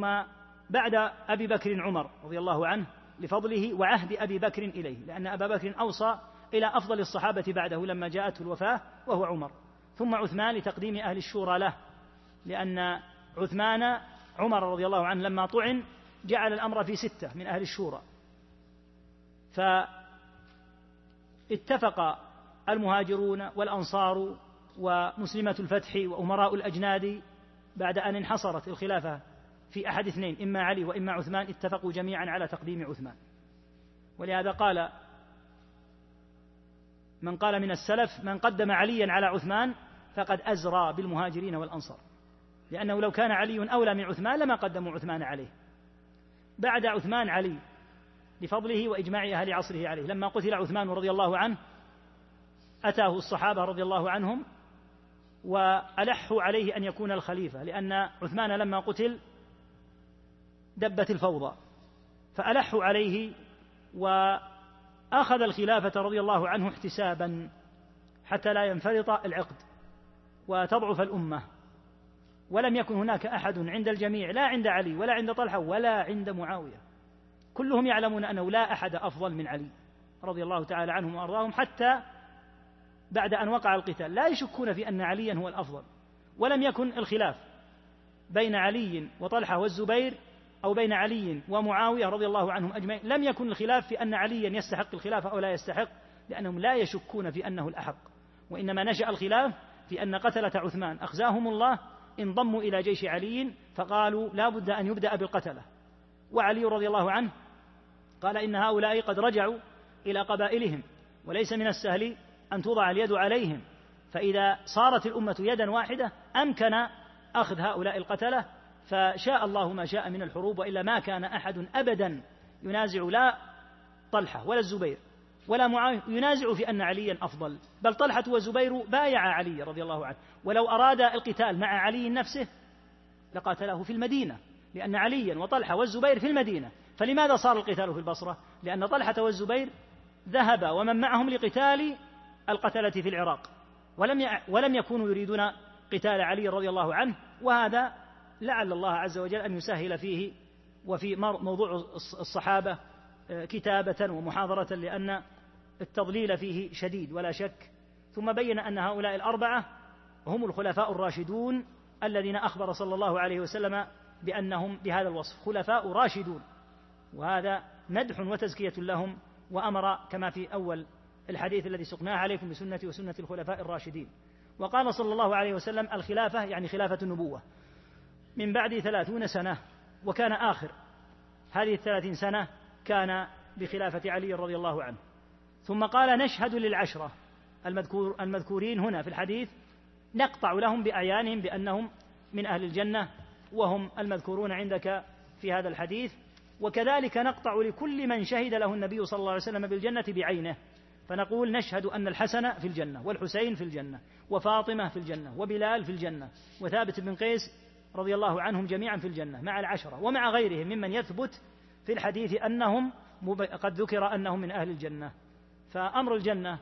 وأمر النار لا يجزم فيه إلا بحسب يعني يقطع لأحد فيه بأنه من أهل الجنة أو من أهل النار إلا بحسب الدليل الذي يدل على تعيين ذاك الشخص نعم قال ولا نلزم لأحد من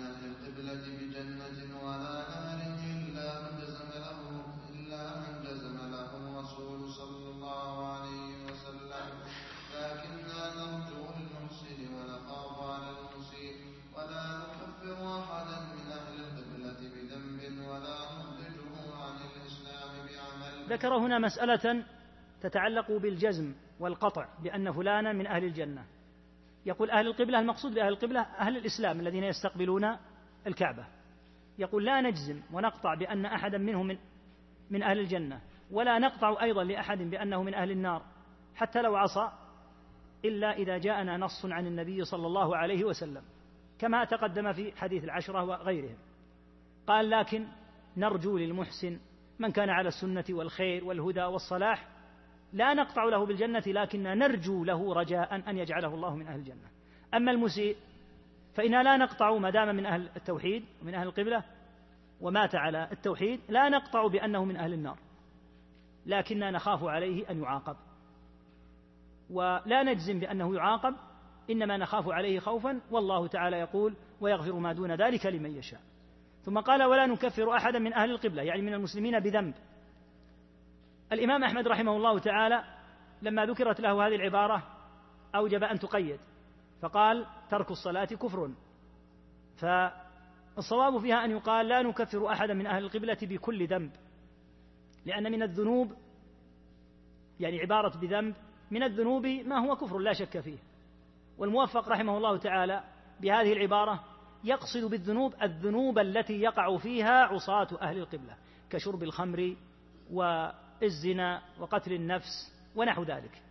لكن عبارة الذنب أوسع من أن تكون مخصوصة, مخصوصة بالكبائر فإن ترك الصلاة وإن كان ترك العمل ليس كاجتراح الذنب لأن ترك العمل غير فنحن لا نكفر بالذنوب لأن الذي يكفر بالذنوب هم الخوارج لكن العبارة يحتاج أن تقيد لا نكفر بكل ذنب ولا نخرجه من الإسلام بعمل عمله كما لو قطع الطريق أو عق والديه أو نحو ذلك فإنا لا نكفره بمجرد هذا نعم ولا نكفر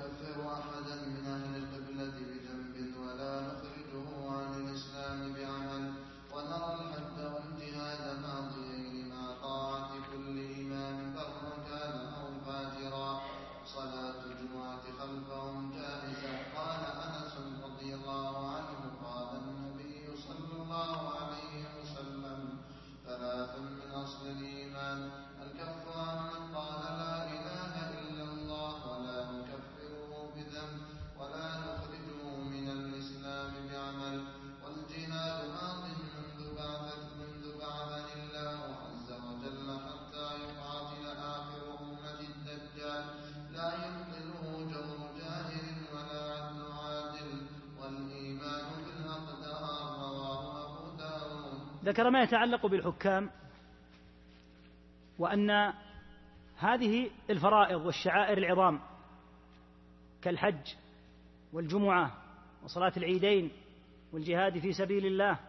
هذه ماضية لا يجوز أن يتوقف عنها أهل الإسلام حتى لو كان الإمام فاجرا فإن فجوره لا يعني أن تترك هذه الشعائر فإن كونه فاجرا وهو من المسلمين من أهل الإسلام لكنه عنده ظلم وتعدي في الأموال أو في الدماء لو تركت هذه الشعارات العظيمة لتعطلت وتعطل الإسلام فإذا كان أمر إمضائها سيكون فقط مع الحكام البررة كعمر بن عبد العزيز ومعاوية والخلفاء الراشدين فمعنى ذلك أن الأمة ستتوقف حتى ينقطع الجهاد وحتى يضمحل الحج ينتظرون أن يأتي حاكم عادل فإذا جاء الحاكم العادل حجوا وإذا جاء الحاكم العادل جاهدوا ولهذا يجب أن تمضي هذه الشعائر العظام حتى مع الحكام الظلمة فإن كونهم ظلمة لا يعني أن تسقط هذه الشعائر العظام فإن مفسدة إسقاطها أمر عظيم جدا لو تركت الجمعة وترك وتركت صلاة العيدين وترك الحج وترك الجهاد وقيل لا نفعل هذا حتى يأتي حاكم عادل لتعطلت هذه الشعائر العظام ولهذا نص أهل السنة أن جور الحاكم وظلمه لا يعني إسقاط هذه الشعائر العظام بل هي ماضية خلف كل بر من الحكام وخلف كل فاجر نعم ومن السنة تولي أصحاب رسول الله صلى الله عليه وسلم ومحبتهم ومحبتهم لا نعم معطوف على التولي لأن تولي هي المبتدأ المؤخر يعني معطوفة على التولي نعم ومن السنة تولي أصحاب رسول الله صلى الله عليه وسلم ومحبتهم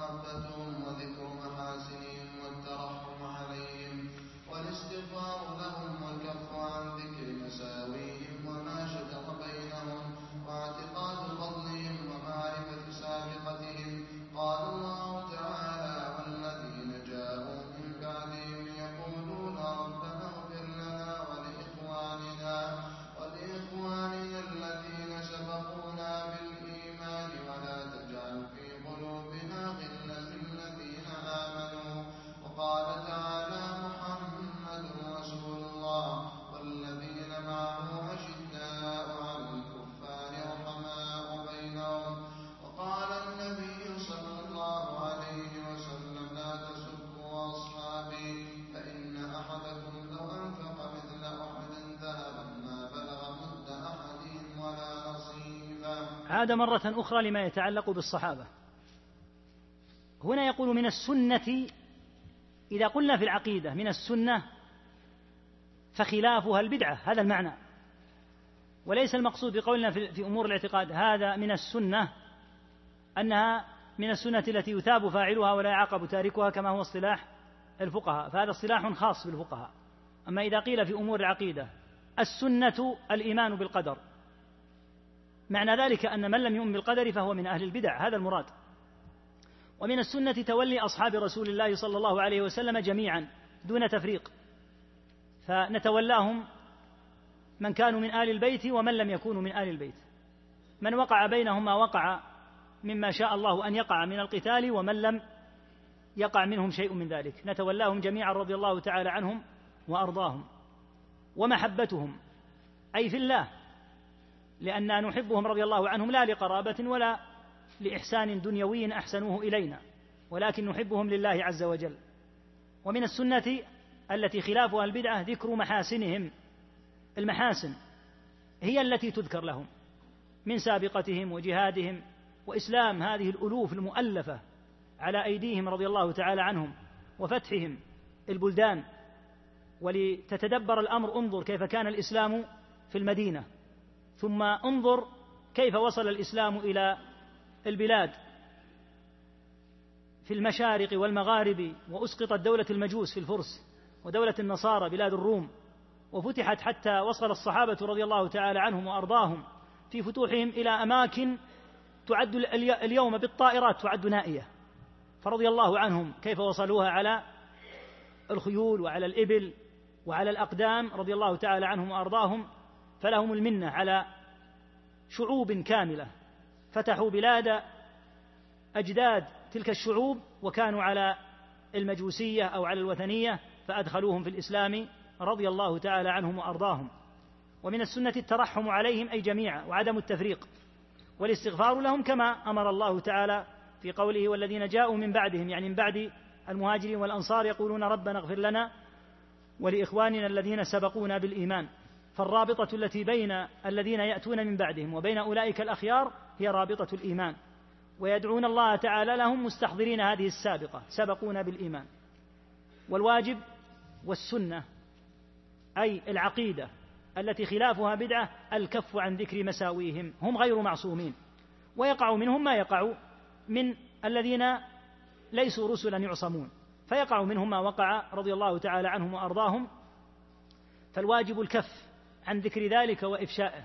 ونشره في الناس لأن قد أمرنا بنص الآية بأن نستغفر لهم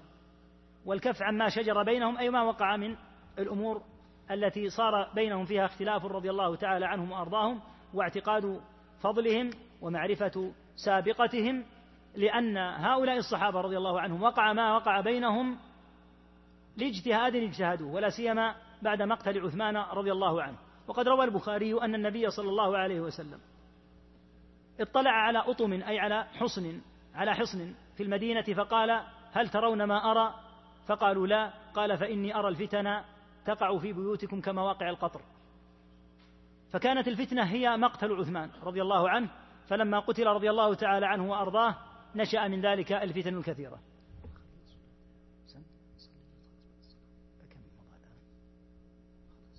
طيب بس أنهي النقطة هذه ونكمل بعد الصلاة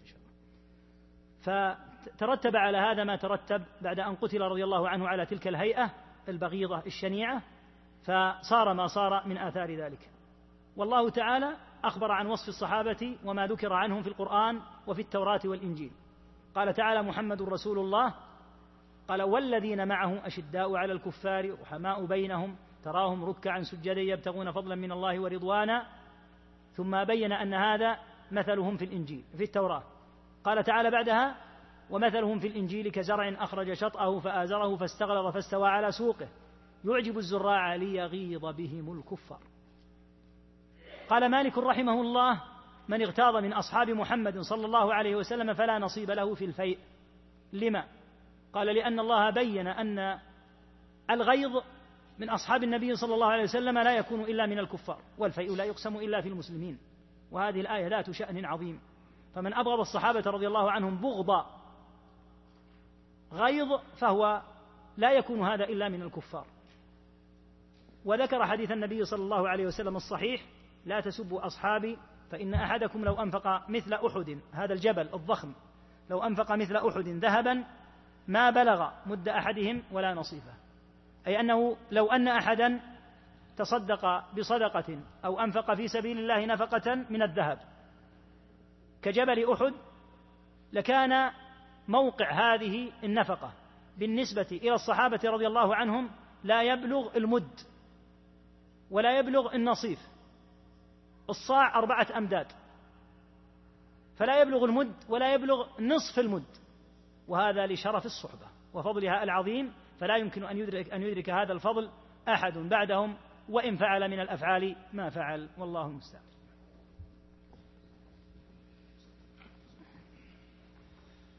ا ل ل ه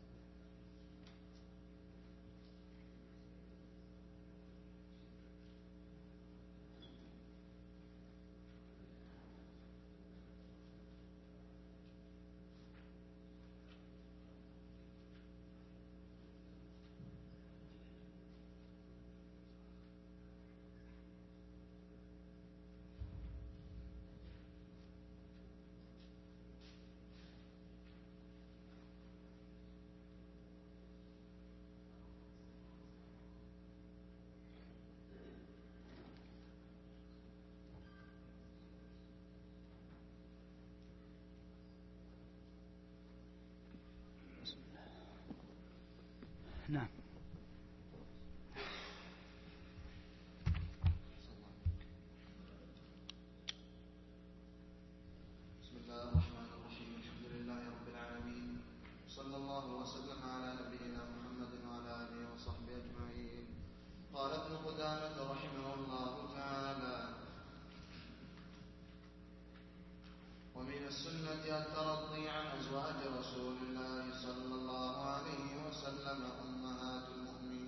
أمهات المؤمنين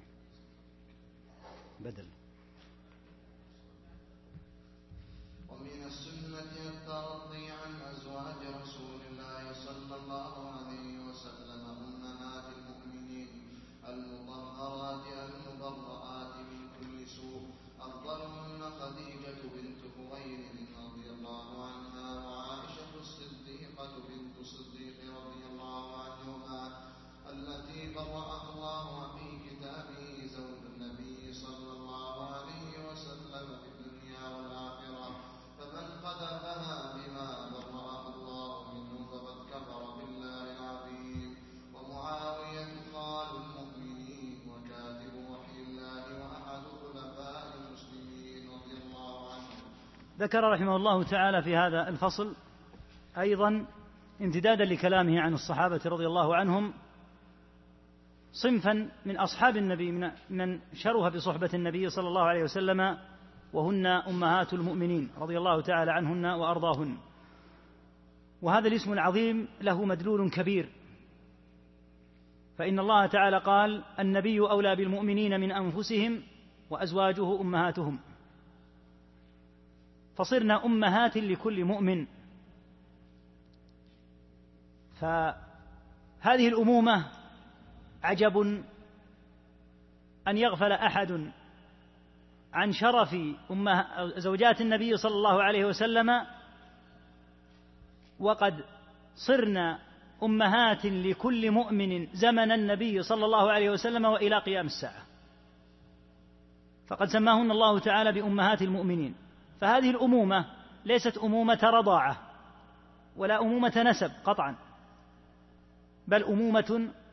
جمعنا بهن الإيمان فأعجب كل العجب من الروافض الذين خذلهم الله حين يقدحون في إما في إيمان من سماهن الله بأمهات المؤمنين فيقولون إنهن أمهات المؤمنين أمهات المؤمنين ولكنهن بلا إيمان ذهبا لأبيكم ما الذي جعل هؤلاء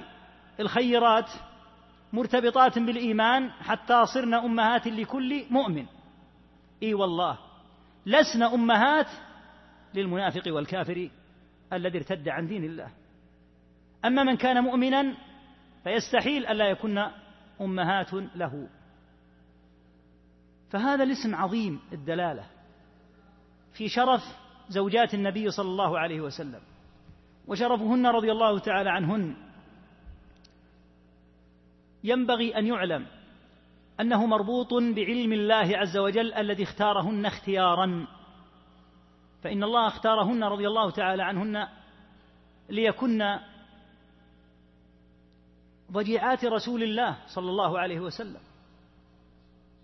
ولا شك ولا ريب في انهن من سادات المؤمنات وانهن القدوه لكل مؤمنه فلهذا جعلهن الله امهات المؤمنين وجعل الله لهن من الفضل ان نقلن عن رسول الله صلى الله عليه وسلم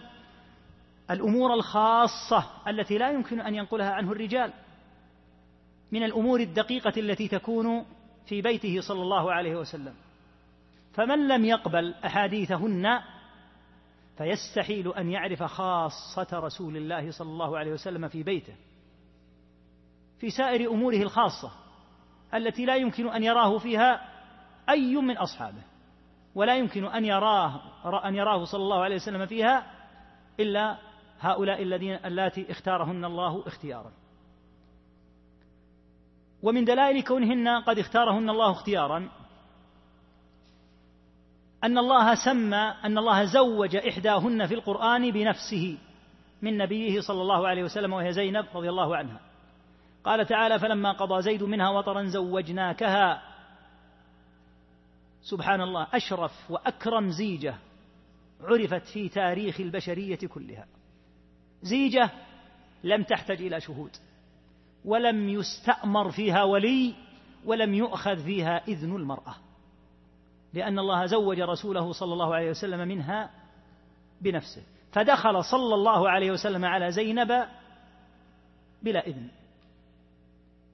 ولم يحتج إلى شهود ولا عقد لأنه ليس بعد تزويج الله عز وجل شهادة شهود ولا إذن ولي ولا رضا الزوجة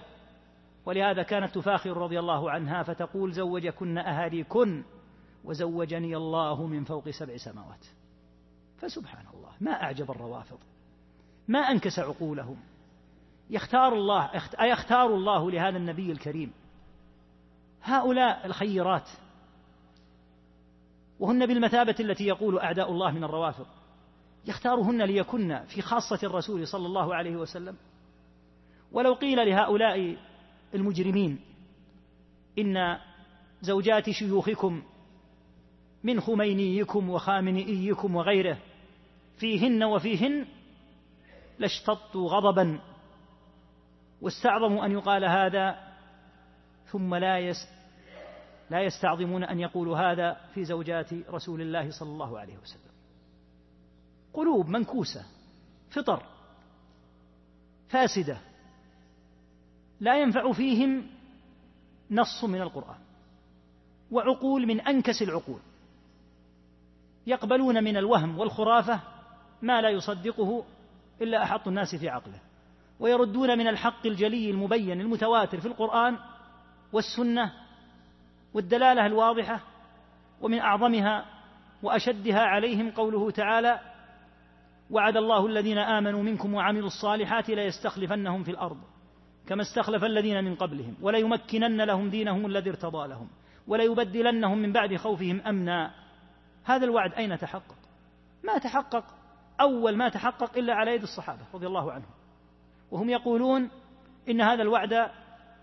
لم يتحقق رغم هذه البلاد الشاسعة التي أدخلوها في الإسلام رضي الله عنهم ورغم هذه الملايين التي قد كتبت قد كتب إسلامهم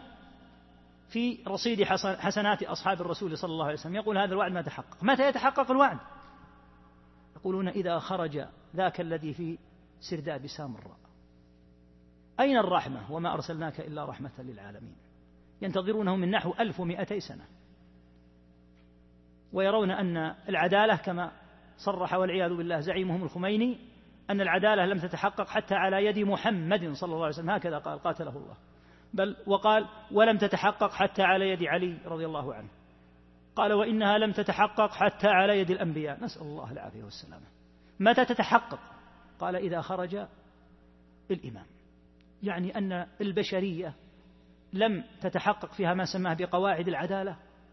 منذ أن خلقها الله ولا تتحقق إلا خرج إلا إذا خرج ذاك الذي في سرداب سامراء فسبحان الله ما أعجبهم كيف يعدل عن النصوص الجلية الواضحة ولو كانوا يعقلون يتدبروا قول الله يا أيها النبي قل لأزواجك إن كنتن تردن الله ورسوله إن كنتن تردن الحياة الدنيا وزينتها فتعالين أمتعكن وأسرحكن سراحا جميلا وإن كنتن تردن الله ورسوله والدار الآخرة فإن الله أعد للمحسنات منكن أجرا عظيما فخيرهن صلى الله عليه وسلم بين المكث مع نبي, مع نبي كريم لا تهمه الدنيا على حال من شرف العيش أو أن يخترن الدنيا وزينتها وبهجتها فيسرحهن ويطلقهن فاخترن جميعا رضي الله تعالى عنهن رسول الله على الدنيا فكافأهن الله بهذه الآية لكن كما قال تعالى وما تغني الآيات والنذر عن قوم لا يؤمنون قال تعالى لأحب خلقه إليه محرما عليه تحريما أن يتزوج أن يستبدل بهن من أزواج لا يحل لك أي يا محمد لا يحل لك النساء من بعد ولا أن تبدل بهن من أزواج ولو أعجبك حسنهن فحرم الله على حبيبه وخليله صلى الله عليه وسلم أن يتزوج على هؤلاء الخيرات لماذا؟ لأنهن اخترن الله ورسوله وأبين الدنيا وزينتها فكل هذا ما يدل على الشرف كل هذا ما يدل على المكانة ما الذي يدل على المكانة إذن ولكن الأمر كما قلنا هؤلاء لا يجدي فيهم لا يجدي فيهم الاستدلال وغيره وإنما هم قد عودوا عوامهم على نوع من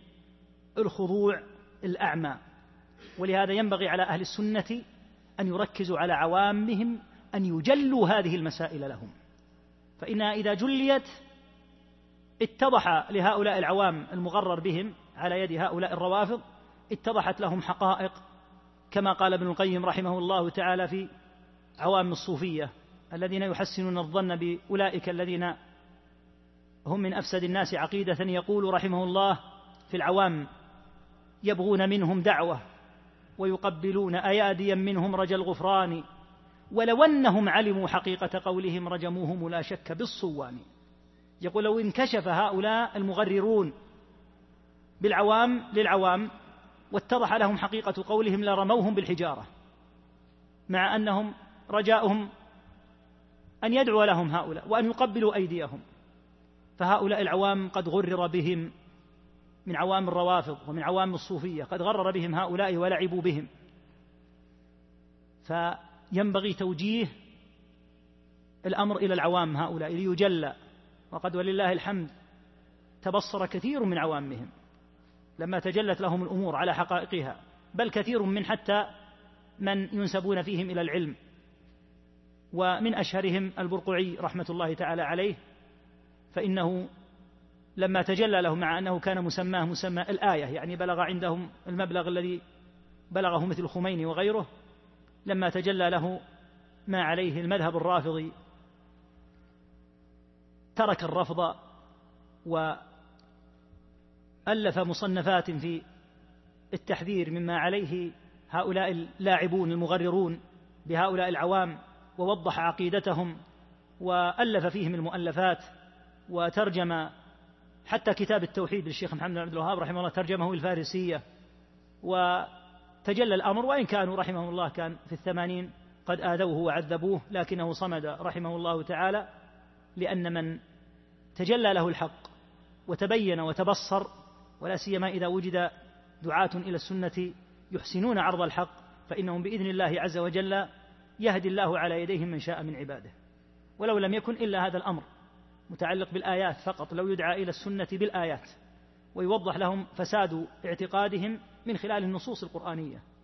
لأن البرقعي رحمه الله إنما ترك الرفض لأنه على خلاف الروافض كان يقرأ القرآن كثيرا الرافضة كما ذكر شيخ الإسلام وغيره قليل الاهتمام بالقرآن فكان هذا شيئا نادرا فيهم أنه كان يكثر القرآن فعجز عجزا تاما عن أن يركب المذهب الرافضي على القرآن لأن القرآن يخالف المذهب الرافضي مخالفة تامة جملة وتفصيلا فالحاصل أن أمهات المؤمنين رضي الله تعالى عنهن مطهرات كما قال الله تعالى إنما يريد الله ليذهب عنكم الرجس أهل البيت ويطهركم والآية نزلت قطعا في أمهات المؤمنين وفي عموم آل بيت النبي صلى الله عليه وسلم لكن السياق كله في سورة الأحزاب كان في أمهات المؤمنين المبرآت من كل سوء ثم ذكر أفضل أمهات المؤمنين وأهل العلم على خلاف في الأفضل فمنهم من يقول أفضلهن خديجة رضي الله تعالى عنها وأرضاها ومنهم من يقول عائشة أفضلهن لنصوص وردت في هذه وفي هذا ومنهم من يقول إن, عدي إن خديجة أفضل باعتبار وعائشة أفضل باعتبار باعتبار وعلى كل حال كلهن رضي الله تعالى عنهن لهن هذا الفضل ومن أعظم الفضل الذي لعائشة أن الله تعالى برأها في كتابه في سورة النور بهذه الآيات العظام التي بقيت تتلى إلى قيام الساعة وذكر الله في سورة النور طيبها وأن طيبها مربوط بطيب رسول الله صلى الله عليه وسلم فقال الخبيثات للخبيثين والخبيثون للخبيثات والطيبات كعائشة للطيبين كمحمد هذا المعنى لأن الآية وردت في سورة النور لما برئت عائشة والطيبات للطيبين والطيبون للطيبات أولئك مبرؤون مما يقولون فكلمة التطهير من القرآن كلمة التبرئة من القرآن ولهذا ذكرها هنا أما قوله زوج النبي صلى الله عليه وسلم في الدنيا والآخرة فلا شك أن جميع أمهات المؤمنين زوجات لرسول الله صلى الله عليه وسلم في الآخرة وقد جاء في الحديث أن النبي عليه الصلاة والسلام أراه الملك صورة عائشة في المنام قال هذه زوجتك في الدنيا والآخرة ولهذا حرم الله أن يتزوجن بعد النبي صلى الله عليه وسلم فقال تعالى وما كان لكم أن تؤذوا رسول الله ولا أن تنكحوا أزواجه من بعده أبدا لأنهن قطعا زوجاته في الجنة وهو صلى الله عليه وسلم قطعا في الجنة فما دام قد عرف أنهن زوجاته فليس لأحد أن يتزوجهن بعده بل قال الله تعالى إن ذلكم كان عند الله عظيما ثم قال رحمه الله في عائشة فمن قذفها بما برأها الله منه فقد كفر بالله العظيم أما قذف عائشة رضي الله عنها بما نزلت الآيات بتبرئتها منه فهو كفر بالقرآن وهذا يقوله بعض الروافض إلى الآن فيقذفونها كرمها الله وبرأها وطهرها بأنها وقعت في الفجور مع أن الآيات صريحة جدا في أنها مبرأة مما يقولون وأنها طيبة لطيب فلهذا أجمع أهل العلم وقد حكى الإجماع غير واحد من أهل العلم على أن من قذف عائشة بالذي بالذي برئت منه في القرآن فهو مكذب تكذيبا صريحا للآيات التي في سورة النور فإنه يكفر. بقية زوجات النبي صلى الله عليه وسلم إذا قذفن سوى عائشة لأهل العلم قولان فمنهم من يقول إن قذفهن ليس بكفر لأنه قذف لامرأة مؤمنة فحد من فعل ذلك حد من يقذف المؤمنة والقول الثاني أن هؤلاء الخيرات أمرهن مرتبط برسول الله صلى الله عليه وسلم فقذفهن لا شك أنه يصيب رسول الله صلى الله عليه وسلم مباشرة ولهذا اختار آخرون من أهل العلم أن من قذف أم, أم المؤمنين عائشة أو غيرها من أمهات المؤمنين فإنه يكفر قال ابن, ابن كثير والصحيح أنهن كهي يعني أن بقية أمهات المؤمنين كعائشة سواء أن من قذفهن فإنه يكفر ثم نص على معاوية لماذا نص على معاوية رضي الله عنه نص على معاوية لأنه رضي الله عنه قد تناوشته الروافض وغيرهم ممن تأثر بهم وصاروا يذمونه رضي الله تعالى عنه وأرضاه قال هنا معاوية خال المؤمنين من أهل العلم من قال إن الرب تعالى لما سمى أمهات المؤمنين زوجات النبي صلى الله عليه وسلم بأمهات المؤمنين فإخوانهن يكونون أخوالا للمؤمنين فكما تقول هذه أمي لأنها أم المؤمنين يقول فأخوها لأن معاوية أخو أم حبيبة رضي الله عنها يقول يكون خالا للمؤمنين وهكذا إخوان أمهات المؤمنين ومن أهل العلم من يقول لا النص ورد فقط في أمهات المؤمنين ولا يعدى ذلك إلى أن يكون هناك خؤولة ونحو ذلك ثم نص على أنه كاتب الوحي وكون النبي صلى الله عليه وسلم قد استأمنه في كتابة الوحي ليس بالأمر الهين فإن الوحي أعظم ما يكتب هو أعظم حتى من مجرد الرسائل التي ترسل إلى الحكام أو إلى غيرهم لأن هذا هو كتابة القرآن وهو أحد خلفاء المسلمين رضي الله عنهم نص أهل العلم واختصر رحمه الله المقام لما قلنا مرات كثيرة المقام في الرسالة مقام إيجاز نص أهل العلم على معاوية بالذات رضي الله عنه لأن الروافض كما قلنا قد ركزوا على ذمه فمعاوية رضي الله تعالى عنه وأرضاه يقول فيه بعض السلف معاوية ستار لأصحاب النبي صلى الله عليه وسلم فمن جاوز الستار دخل إلى غيره وصدق فإن الذين يسبون معاوية تأملهم سيسبون غيره يستحيل أحد أن يسب معاوية ويسكت سيسب عمرا ابن العاص ويسب آخرين ممن كانوا مع معاوية وسيصل إلى سب غيره كعثمان فهو ستار من تجرأ فسب معاوية رضي الله عنه لا شك أنه سيجترئ على غيره ولما سئل الإمام أحمد عن رجل يسب معاوية فقط ما يسب الصحابة لكن يسب معاوية أي صلى خلفه قال لا ولا كرامة لا يستحق أن يصلى خلف هذا وأمثاله ولهذا فإن الرافضي الذي ألف الكتاب والذي أشرنا إليه ركز على معاوية تركيزا شديدا وأراد أن يخرج معاوية من الصحبة وقال إن الصحابة كابن عباس وغيره لا يرون معاوية صحابيا وأخذ يأتي بأشياء من التدليس والأخبار العجيبة الغريبة ثم يحيل في الحاشية لمن لا يفهم فيقول انظر الإصابة لابن حجر الإصابة لابن حجر ما هو الإصابة لابن حجر في أسماء الصحابة رضي الله تعالى عنهم ينقل عن كتب الطبقات والتاريخ وترك هذا المفسد ما ثبت في البخاري من قول ابن عباس رضي الله عنهما لما قال له مولى له إن معاوية قد أوتر بركعة فقال دعه فإنه صحب رسول الله صلى الله عليه وسلم هذا في البخاري ثم يذهب لأخبار غرائب وأباطيل ويقول في أثناء كلامه قاتله الله يقول هذه وإن لم تكن صحيحة هو يشعر أنها غير ثابتة هذه وإن لم تكن صحيحة من حيث السند لماذا تريدها وأنت تعلم أنها غير صحيحة ولماذا تترك الصحيح الثابت في البخاري الذي فيه جزم ابن عباس قطعا يعني ابن عباس أعقل من أن يقول إن معاوية ليس من الصحابة وهو الذي أسلم عام الفتح وقيل إنه أسلم حتى قبل عام الفتح وكتب لرسول الله صلى الله عليه وسلم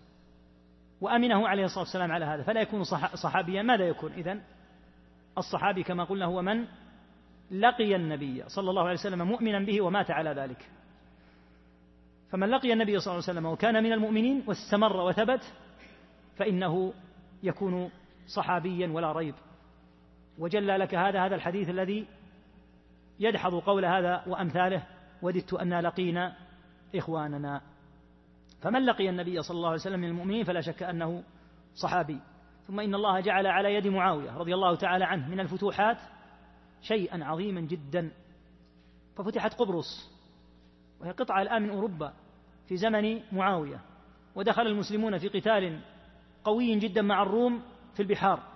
وفتحت مواضع كثيرة وقاد معاوية رضي الله عنه بنفسه بعض الحروب وجاهد في سبيل الله رضي الله تعالى عنه وأرضاه حاصل الأمر أن الصحابة جميعا يجب الكف عما شجر بينهم واعلم أنه كما أن ثمة طائفة وهم الرافضة يذمون مثل معاوية والزبير وغيره فإن طائفة أخرى قد تولت علي رضي الله عنه بالسبب رحمك الله وهم الناصبة الذين ناصبوا عليا القتال وأخسهم وأردأهم الخوارج الذين كفروه رضي الله عنه ثم كمن له عدو الله عبد الرحمن ابن ملجم حتى قتله رضي الله عنه وهو خارج للصلاة فكما أنه يغيظ الناس على نوع من الصحابة فإنه يغيظ الناس على نوع من آل البيت ممن شرف بكونه من آل البيت ومن الصحابة كعلي أو الحسن أو الحسين رضي الله تعالى عنهم وأرضاهم وأهل السنة يتولونهم بحمد الله جميعا كما هو دلالات النصوص القاطعة الجلية على تولي هؤلاء جميعا وعدم التفريق بينهم بجعل أحد منهم محبوبا وجعل طرف آخر مبغوضا نعم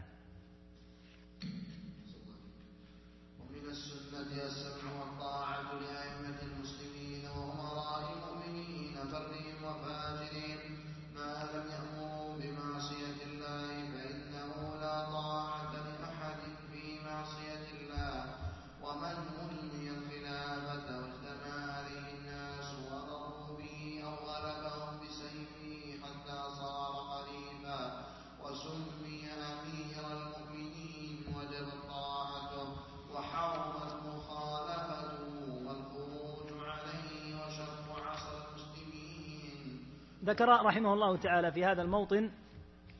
ما يتعلق بالحكام وكلامه رحمه الله كما ترى ليس يركز فيه رحمه الله على الترتيب ولهذا ذكر معنى الولايه بعد ان ذكر امر السمع والطاعه قوله ومن ولي الخلافه او ولي الخلافه واجتمع عليه الناس ورضوا به يعني فهذا هو ولي الامر لأن الناس قد بايعوه بيعة مختارين هذا نوع النوع الثاني أن يتمكن من الخلافة والإمارة بالغلبة والقوة فيتمكن من, فيتمكن من ضبط البلاد ويسيطر عليها بالقوة فهل هو ولي للأمر وقد أخذ الأمور بالغلبة أو لا يكون وليا للأمر إلا إذا بايعه الناس مختارين يقال يكون وليا للأمر وإن غلب الناس بسيفه لأجل ألا تسفك الدماء لأنه لو, لو قيل للناس هذا ليس ولي أمر يجب أن يقاتل لقاتلهم وقد ضبط البلاد وتمكن منها فإذا خرج إليه المسلمون لقتالهم أبادهم لأنه متمكن أصلا من البلاد إذ لو لم يقدر على ضبط البلاد وإمساكها لما صار له أمر السيطرة والسلطان فإذا ضبطها وكان ذا قوة ومنعه فإن أمر الناس بأن يقاتلوه فيه ولا شك فتح لباب سفك دماء لا ينتهي النوع الثالث الذي تثبت به الولاية الوصية بأن يوصي الحاكم بأن يكون الخليفة والحاكم من بعده فلان فلانا كما فعل عمر كما فعل أبو بكر مع عمر رضي الله تعالى عنهما فإن عمر ثبتت له البيعة بالوصية إذا فالإمارة والخلافة والملك تثبت بهذه الأمور الثلاثة الأولى وهي أجلها وأعظمها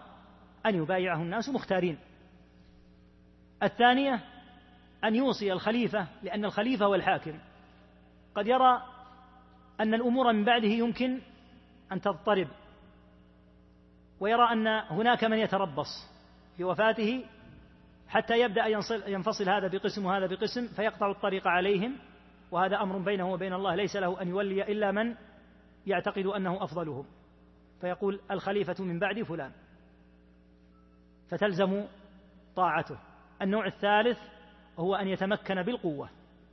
لا شك أنه تثبت له في هذه الحالة في هذه الحالات الثلاث تثبت له إمرة الناس وولاية أمرهم هؤلاء الذين يوليهم الله عز وجل امر الناس من السنه التي خلافها البدعه كما ذكرنا السمع والطاعه لهم ائمه المسلمين سموا بالائمه في النصوص وسموا بالامراء ايضا في النصوص يسمع لهم ويطاعون البر منهم التقي الصالح كعمر بن عبد العزيز مثلا وفاجرهم حتى الفاجر منهم ممن هو حاكم فيه فجور يسمع له ويطاع نعم وهذا منصوص الاعتقاد عند أهل السنة لما؟ لأن السمع والطاعة عند أهل السنة لا يضرهم أن يكون الحاكم فيه فاجرا لأنهم لن يسمعوا له ولن يطيعوه إذا أمرهم بمعصية وإنما يسمعون لهم ويطيع وإنما يسمعون له ويطيعونه إذا لم يأمر بمعصية فتنتظم أحوالهم وتصلح أمور دينهم ودنياهم أما إذا أمرهم بمعصية فلا والله لا سمع ولا طاعة لا يسمع له ولا يطاع لا هو ولا غيره وقد فصلنا أمر الطاعة في غير هذا الموضع فقلنا إن الله أوجب من المخلو في المخلوقين طاعات أوجبها الله أوجب على الزوجة أن تطيع زوجها وعلى الأولاد أن يطيعوا أباهم وعلى العبد ان يطيع سيده وعلى الرعيه ان تطيع حاكمها ولكن هذه الطاعه بلا ادنى شك ليست طاعه مطلقه بل هي طاعه في المعروف فقط فاذا امر الحاكم او الاب او السيد او الزوج بامر فيه معصيه الله فلا يجوز السمع له ولا الطاعه وليس لاحد ان يطيعه في هذا لانه عندك هذه القاعده لا طاعه لمخلوق الاب مخلوق الزوج مخلوق السيد مخلوق الحاكم مخلوق لا يطاع مخلوق أبدا في معصية الله تعالى وهم لم يطاعوا أصلا إلا لأن الله أوجب طاعتهم ولو أن الله ما أوجب طاعتهم لما أطاعهم الناس فلا يتسوروا على طاعة الله العظمى فيقولون أطيعونا وإن عصينا الله فيما أمرناكم به يقال لولا أن الله عز وجل أمرنا بطاعتكم ما أطعناكم فنحن نطيعكم قربة لله تعالى ولو أن الله أمرنا بأن نعصيكم لعصيناكم لكن الله تعالى أمرنا بطاعتكم فكفوا عند أمر الطاعة فيما لا معصية فيه فإن عصيتم فإن أمرتمونا بمعصية فتأمل الحديث لم يقل فلا تطيعهم قال فلا سمع أصلا ما يسمع ولا طاعة وهذا يدلك على المذهب المنهج المتزن لأهل السنة في أمر السمع والطاعة فإن أمر السمع والطاعة فيه طرفان ووسط الطرف الأول طرف النواصب الذين كانوا في زمن بني أمية يرون أن الحاكم يطاع طاعة مطلقة وكان أهل الشام, الشام يضرب بهم المثل في الطاعة العمياء هذه فيقال طاعة شامية إذا أمروا بأمر قالوا ما دام أنه أمر بهذا فسنطيعه ولهذا قال شمر بن الجوشن بن الجوشن وهو أحد من تمالأوا على قتل الحسين بن علي رضي الله عنهما لما سئل عن قتله قال قد أمرنا بهذا أمراؤنا فلو لم نفعل لكنا شرا من الحمير طاعة عمياء تقتل ابن بنت النبي صلى الله عليه وسلم طاعة للظالم الفاجر عبيد الله بن زياد يقول نطيعهم فهذه طاعة المجانين وليست من طريق أهل الإسلام في قليل ولا كثير النوع الثاني الذي هو الطرف المقابل من يرى أن طاعة ولاة الأمور معابة وهذا أمر موجود في العرب وقد ذكره الشيخ محمد بن عبد الوهاب رحمه الله تعالى في مسائل الجاهلية في الخصلة الثالثة من خصال أهل الجاهلية أن العرب كانوا يرون أن طاعة أحد والسمع له من المعابة ولهذا لم يثبت في داخل الجزيرة العربية في الوسط ولا في الشرق ولا في الغرب لم يثبت لهم دولة ذات كيان وجيش وحكم وقضاء لأنه لا أحد يطاع إنما يطاع أمير القبيلة أو رأس القبيلة وأولئك يطيعون رأس القبيلة فقط أما أن يقوم أحد يؤمر له يأمر فيطاع لأجل الله هذا لا يعرفونه أبدا ورث هذه الخصلة الجاهلية الخوارج فكانوا يرون أن والمعتزلة أيضا فكانوا يرون أن طاعة ولاة الأمور من المنقصة والمعابة المنهج الوسط منهج أهل السنة بحمد الله لا طاعة النواصب العمياء ولا التمرد وعد أن الطاعة حتى في المعروف وحتى في الحق عدها من قبل الخوارج منقصة ومذمة فالمنهج الحق في هذه المسألة التي طاشت فيها أحلام أناس كثيرين أناس كثيرون هو هذا واعلم أن هذه المسألة كغيرها من مسائل العقيدة تقدم أن مسائل العقيدة فيها إفراط وتفريط الجبرية في القدر أهل تفريط إفراط والقدرية في القدر أهل تفريط الروافض في أصحاب النبي صلى الله عليه وسلم أهل تفريط وفي آل البيت أهل إفراط والمعطلة في نفي الصفات عن الله عز وجل أهل تفريط نفوا ما أثبت الله والمشبهة الممثلة أهل إفراط ومبالغة لم يكتفوا بإثبات ما أثبت الله حتى أثبتوا ما أثبتوا ما نفوا اعلم وفقك الله أن هذه المسألة أعني مسألة ولاة الأمر كغيرها فيها إفراط وتفريط هناك من يحسن لولاة الأمر خطأهم ويعينهم على ما هم فيه من الباطل ويبرر خطأهم وقد ورد في الحديث أن هذا الصنف من زين لهم فعلهم وهو لا شك أنه أغش الأصناف وهو أضر على ولاة الأمر من أي أحد لأنه قد خانهم خيانة عظيمة إذ الواجب عليه أن يصدق وأن يكون عيبة نصح لهم فهذا صنف قد تناوله الوعيد والصنف الثاني وهم الذين يخرجون عن الطاعة ويعتقد الواحد منهم أنه لا سمع له ولا طاعة ثبت عن النبي صلى الله عليه وسلم أن من خرج من السلطان كما في البخاري شبرا الشبر قليل قال مات ميتة جاهلية فالذي يقول هؤلاء ما الذي يجعلني أسمع لهم وأطيع يقال هذا هذا الرجل إذا مات على على هذا الذي هو عليه فإنه يموت ميتة جاهلية كما كان أهل الجاهلية يموتون لا يرون إمامة لأحد فلا إفراط من يكذب في المدح ويحسن الباطل ويزينه لهم هذا لا شك أنه أفرط في الطاعة ولا تفريط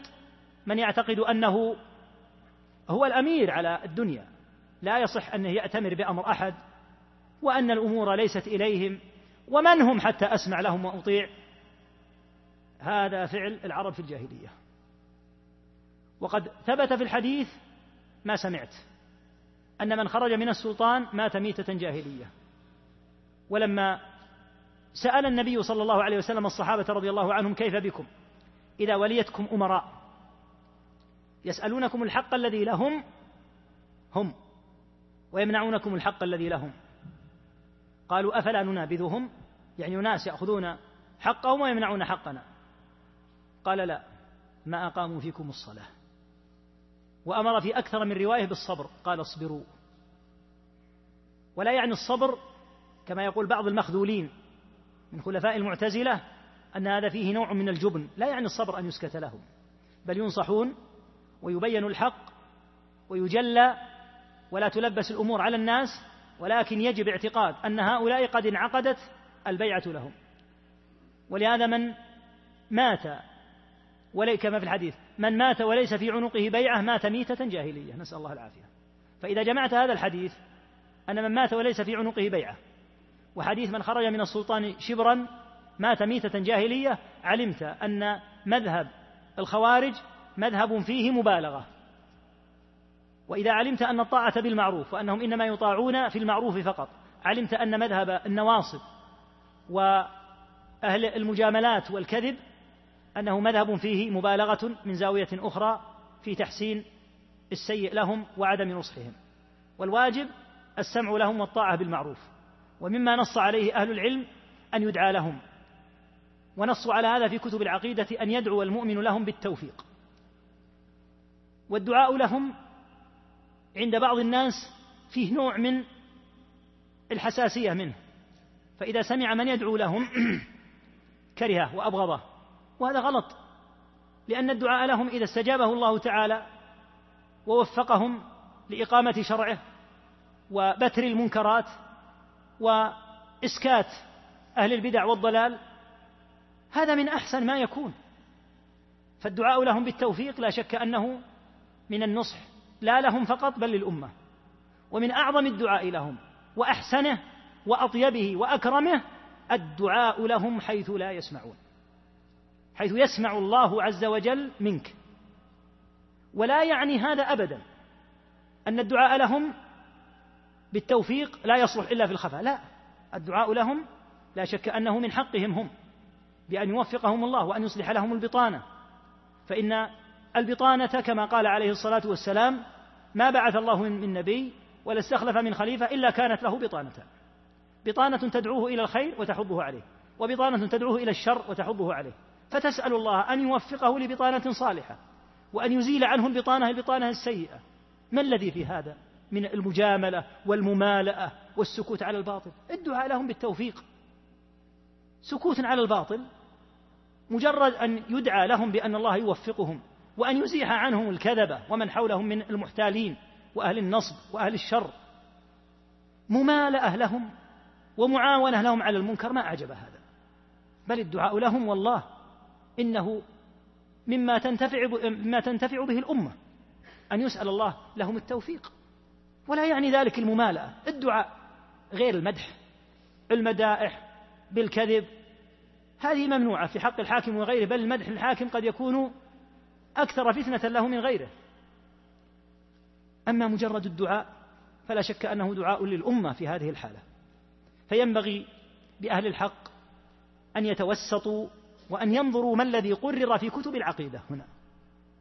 فإن بعض الناس جعل هذه المسألة جعلها الفيصل بين من هو على الحق ومن هو على الباطل فإذا سمع من يدعو للحاكم ضرب به عرض الحائط وعكسه أناس لو سمعوا من ينتقد أمورا من الخطأ كنقد الإعلام أو غيره قال هذا يريد التشويش على الحاكم ويريد أن ينفر الأمة من الحاكم وأن يجيش الجيوش حتى يقلب النظام على الحاكم سبحان الله ما الذي طيش عقول الناس في هذه المسألة حتى صاروا بهذه الحساسية المفرطة إما أن يكونوا على هذا الحال المتشنج أو على الحال المقابل له حين يهاجم الفساد في الإعلام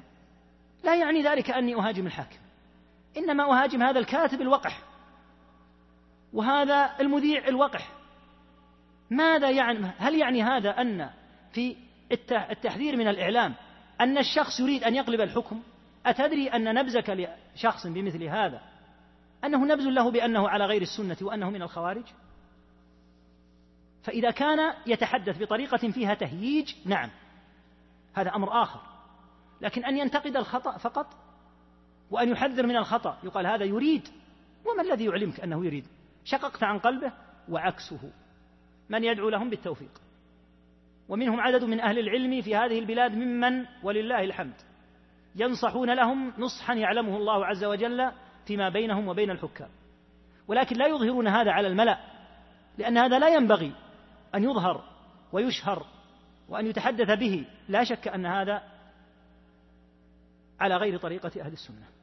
وأن هذا مما قد يشوش العامة نعم لكن يجب النصح وأهل السنة إذا نظرت في تراجمهم وهذا فيه كثير من المواقف الذين أمروا بالسمع والطاعة لهم وأمروا الرعية بالصبر هم بعينهم الذين يذهبون إليهم ويحذرونهم من المنكرات وينصحون لهم ولهم في هذا مواقف عجيبة يطول المقام بنا فلا أدري ما الذي جعل الناس في مثل هذه المسألة تطيش أحلامهم وأن يجعلوا هذه المسألة بمثابة الفيصل إن قال في الحكام كذا فهو خارجي وإن قال في الحكام كذا فهو على طريقة النواصب الذين يمالئونهم في الظلم الواجب على طالب العلم أن يتقي الله وأن يتعقل أيضا فإن المسألة مسألة تعقل يا أخي الأمر واضح من يريد التشويش والخروج عليهم واضح الكلام واضح العبارات واضح المقاصد ومن يريد النصح آه، بالدعاء لهم وأن يصلح الله من حالهم وبطانتهم وأن يجعلهم الله عز وجل رحمة لرعيتهم لا بلاء وعذابا عليهم كيف يقال إن هذا ممالئ متواطئ فلهذا هذه المسألة ينبغي بطالب العلم أن يعلم أنها كغيرها من مسائل العقيدة جاء فيها الإفراط والتفريط ومذهب أهل السنة كما تسمع ولله الحمد في هذه العقيدة وفي غيرها من كتب الاعتقاد نعم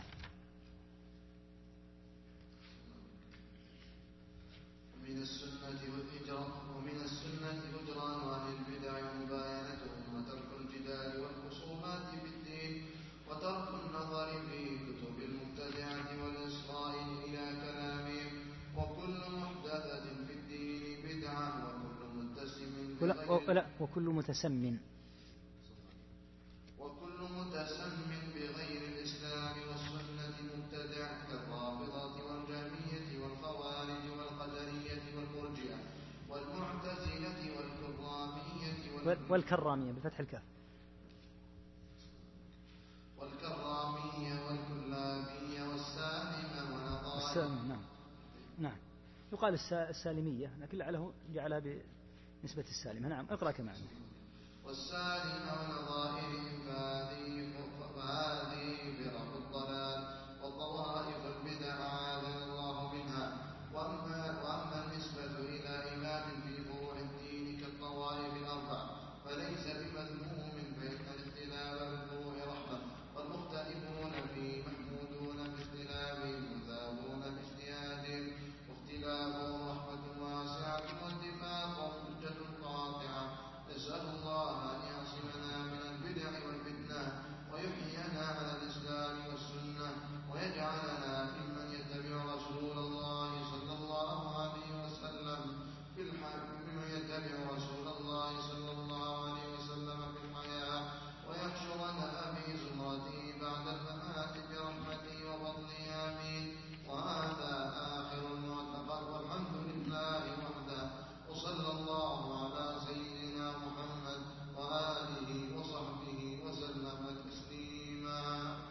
فيه رحمه الله لما ذكر العقيدة في الإيمان في القدر في الصحابة نبه على خلاف الحق فيما ذكر وهو الموجود عند أهل البدع فبين أن أهل البدع يجب معهم الآتي من السنة أي التي خلافها البدعة من السنة أن يهجر أهل البدع وهجرانهم يكون بهجران أشخاصهم كأن لا يسلم عليهم ولا يرد عليهم السلام لا تتبع جنائزهم لا يعادى مرضاهم ومباينتهم بأن يكونوا غير مجتمعين معك وترك الجدال والخصومات في الدين المجادلة والخصومة في الدين يتسبب هذا الجدال والخصام في تشويش حقائق عند كثير من الناس ممن لم يضبطوا المسائل هذه فإذا سمعوا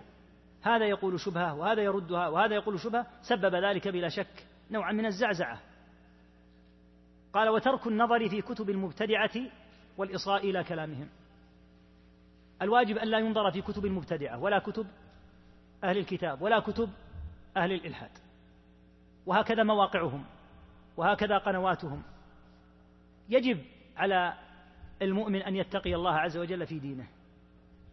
فإن النظر في كتب المبتدعة ومواقعهم كما في هذا الزمن وقنواتهم أدى إلى هذا التشويش العظيم في عقيدة أناس كانوا على السنة وعلى الفطرة السوية فدخل عليهم الإشكال بسبب أنهم عرضوا دينهم لهذا البلاء وهذا النص في هذا الكتب وفي في هذا الكتاب وفي كتب وآثار كثيرة عن السلف يبين لك السبب في كون كثير من الناس الآن انتكسوا ورأوا أن ما عليه أهل البدع أمر سهل أو أن عندهم ما يقتضي النظر فيه ونحو ذلك مما سبب عندهم التشويش الذي حذرنا منه وقد ثبت عن النبي صلى الله عليه وقد روى أحمد في المسند أن النبي صلى الله عليه وسلم قال من سمع بالدجال فلينأ عنه أي فليبعد عنه فإن الرجل يأتيه وهو يحسب أنه مؤمن كما يقول بعض الناس الآن في الشبهة أنا ما تضرني فإن الرجل يأتيه وهو يحسب أنه مؤمن فما يلبث أن يتبعه لما يبثه من الشبهات أو كما قال عليه الصلاة والسلام الدجال الذي باطله من أوضح الباطل أعور العين اليمنى وماذا يقول؟ يقول أنا الرب نسأل الله العافية فيأتيه الرجل يحسب أنه مؤمن يقول أنا يستحيل أن يؤثر في هذا الدجال أعور ويدعي الربوبية سأذهب أنظر فأخبر عليه الصلاة والسلام فأن الرجل يأتيه يحسب أنه مؤمن يقول أنا ثابت ما يمكن أن أتزلزل فما يلبث أن يتبعه وهو الدجال فكيف بالنظر في كتب الروافض في كتب الملاحدة في كتب أهل البدع عموما فنص أهل السنة ونص السلف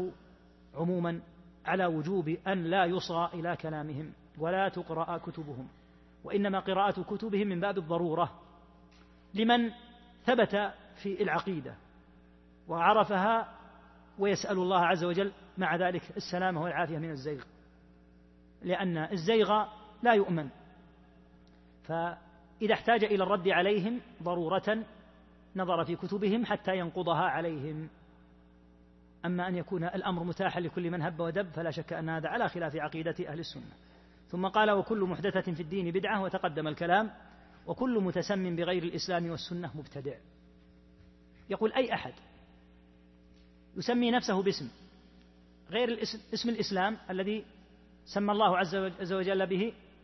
هذه الأمة قال تعالى هو سماكم المسلمين من قبل وفي هذا أي في هذا الكتاب ومن قبل سمينا باسم المسلمين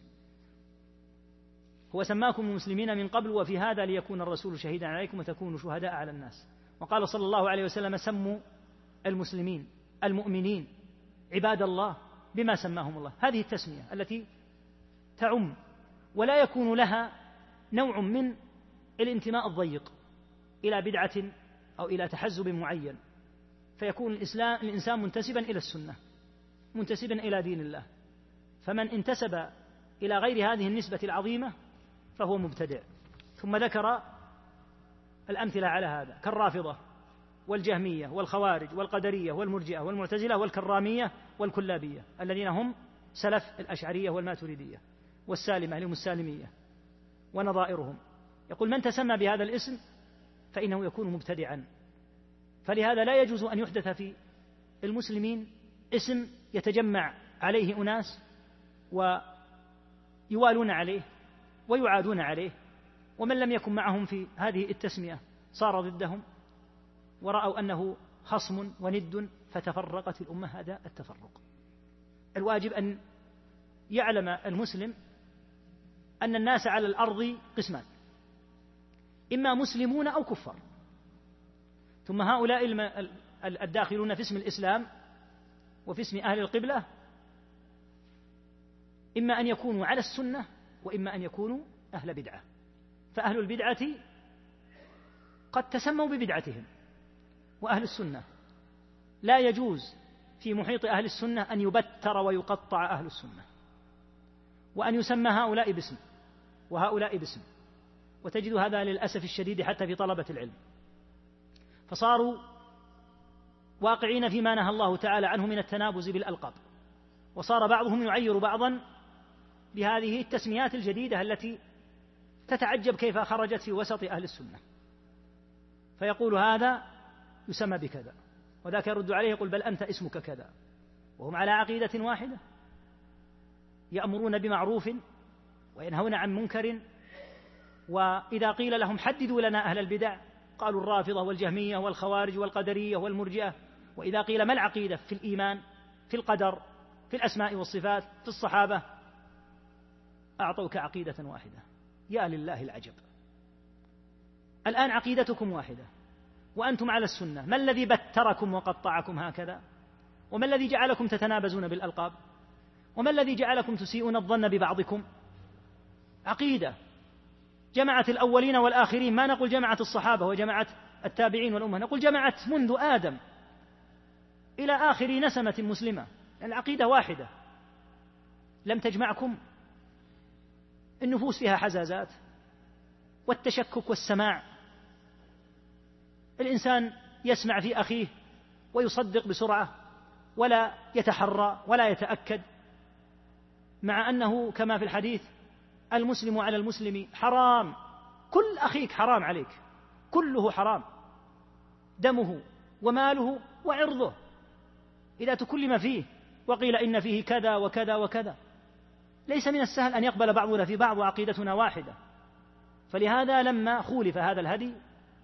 وقعنا في التنابز بالألقاب الذي نهى الله عنه بقوله ولا تنابزوا بالألقاب فصار أهل السنة يعير بعضهم بعضا هذا كذا ويقول ذاك بل أنت كذا والله كالصبيان وهم على عقيدة واحدة وعلى سنة ولهذا لا تجد كبار أهل العلم يقعون في مثل هذه الأمور ولا تجد العقلاء من طلبة العلم يقعون في مثل هذه الأمور ويعلمون علما تاما أن الله سبحانه وتعالى قد جعل رقيبا عليهم ما يلفظ من قول إلا لديه رقيب عتيد فكما أنه يتورع عن غيبة بعض الفساق يقول لا تغتبهم يا أخي إن كان فيك خير فانصحه يقال جزاك الله خيرا فما الذي جرأك على أخيك هذا طالب العلم وما الذي أحل عرضه ولهذا قال بعض السلف أظنه مالك بن دينار أظنه مالك بن دينار يقول أقبل شهادة القراء في كل شيء إلا بعضهم على بعض سبحان الله لأنه, يجيء, لأنه يجيء بينهم تنافس يقول ثقات رجال أخيار صلحة اقبل منهم الشهادة في كل شيء لكن انتبه إذا بدأ بعضهم يتكلم في بعض يقول لا تقبل بسهولة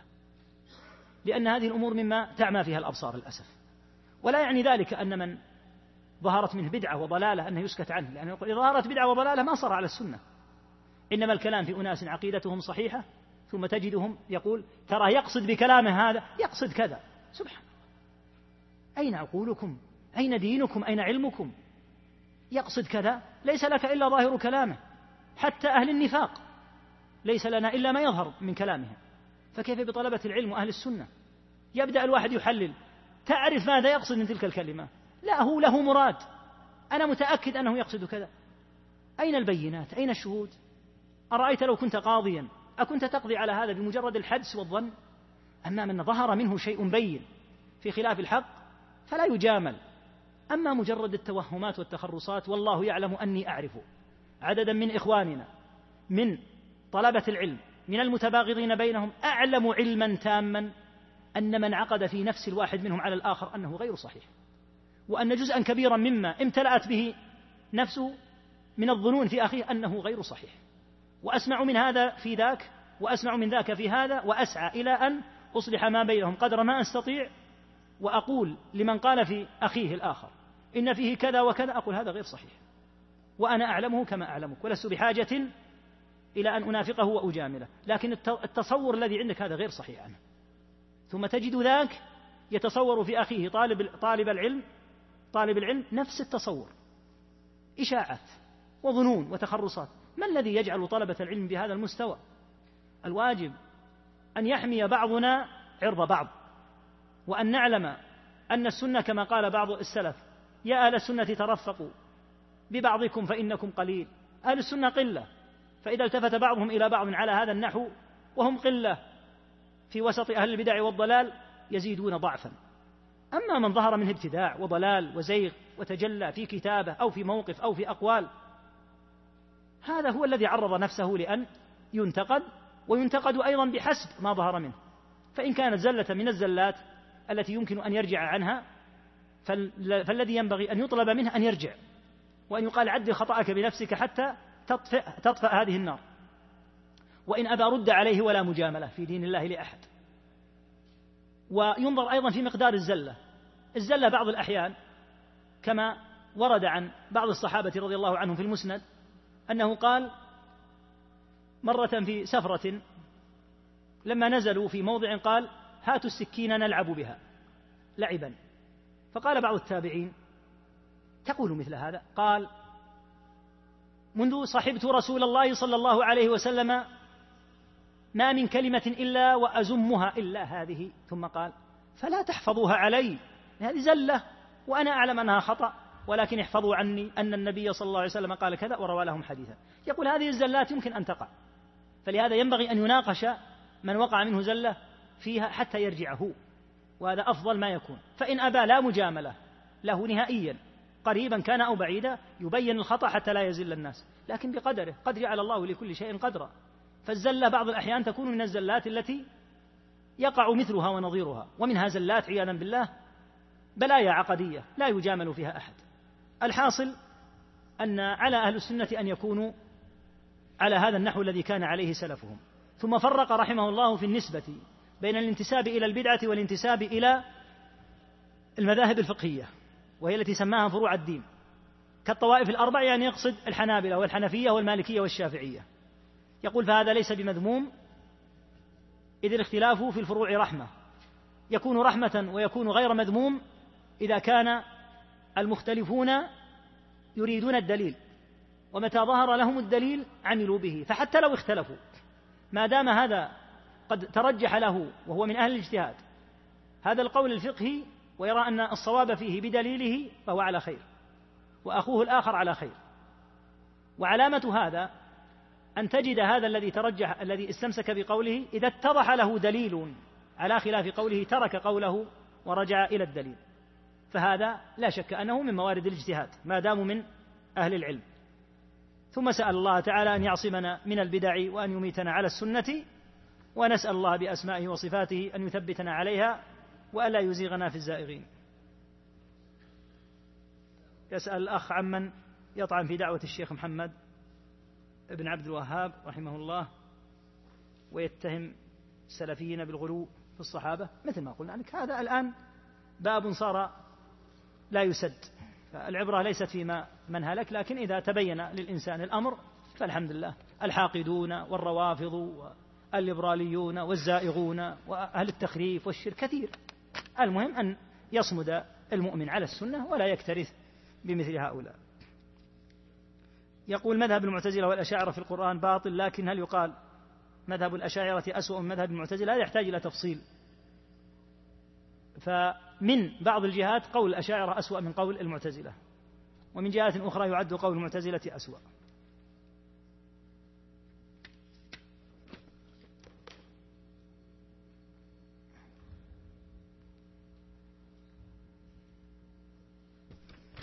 بعض الأسئلة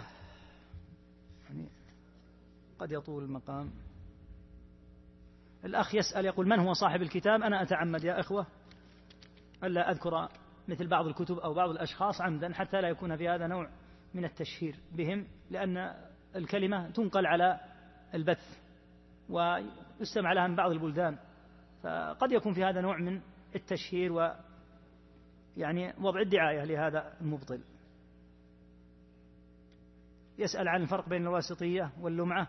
وأيهما أولى بالحفظ الذي يظهر أن الواسطية أولى لما فيها من الأدلة ولما فيها من الترتيب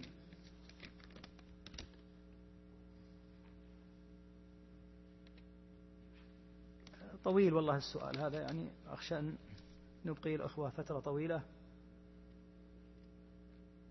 يقول ما ثمرة المضلين في باب الصحبة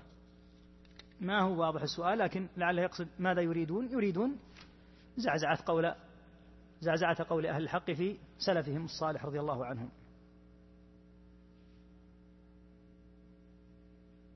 يقول هل تجوز آه، متابعة كتابات الطاعنين في معاوية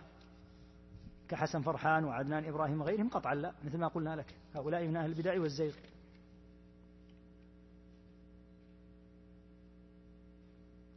يسأل عن بعض العبارات وهل هي كفرية أو غيره مثل هذه الأمور بعضها يحتاج إلى شيء من البسط الطويل والإخوة أظنهم قد تعبوا يعني أجهدهم المقام نسأل الله بأسمائه وصفاته أن يثبتنا وإياكم على السنة والله تعالى أعلم وصلى الله وسلم على نبينا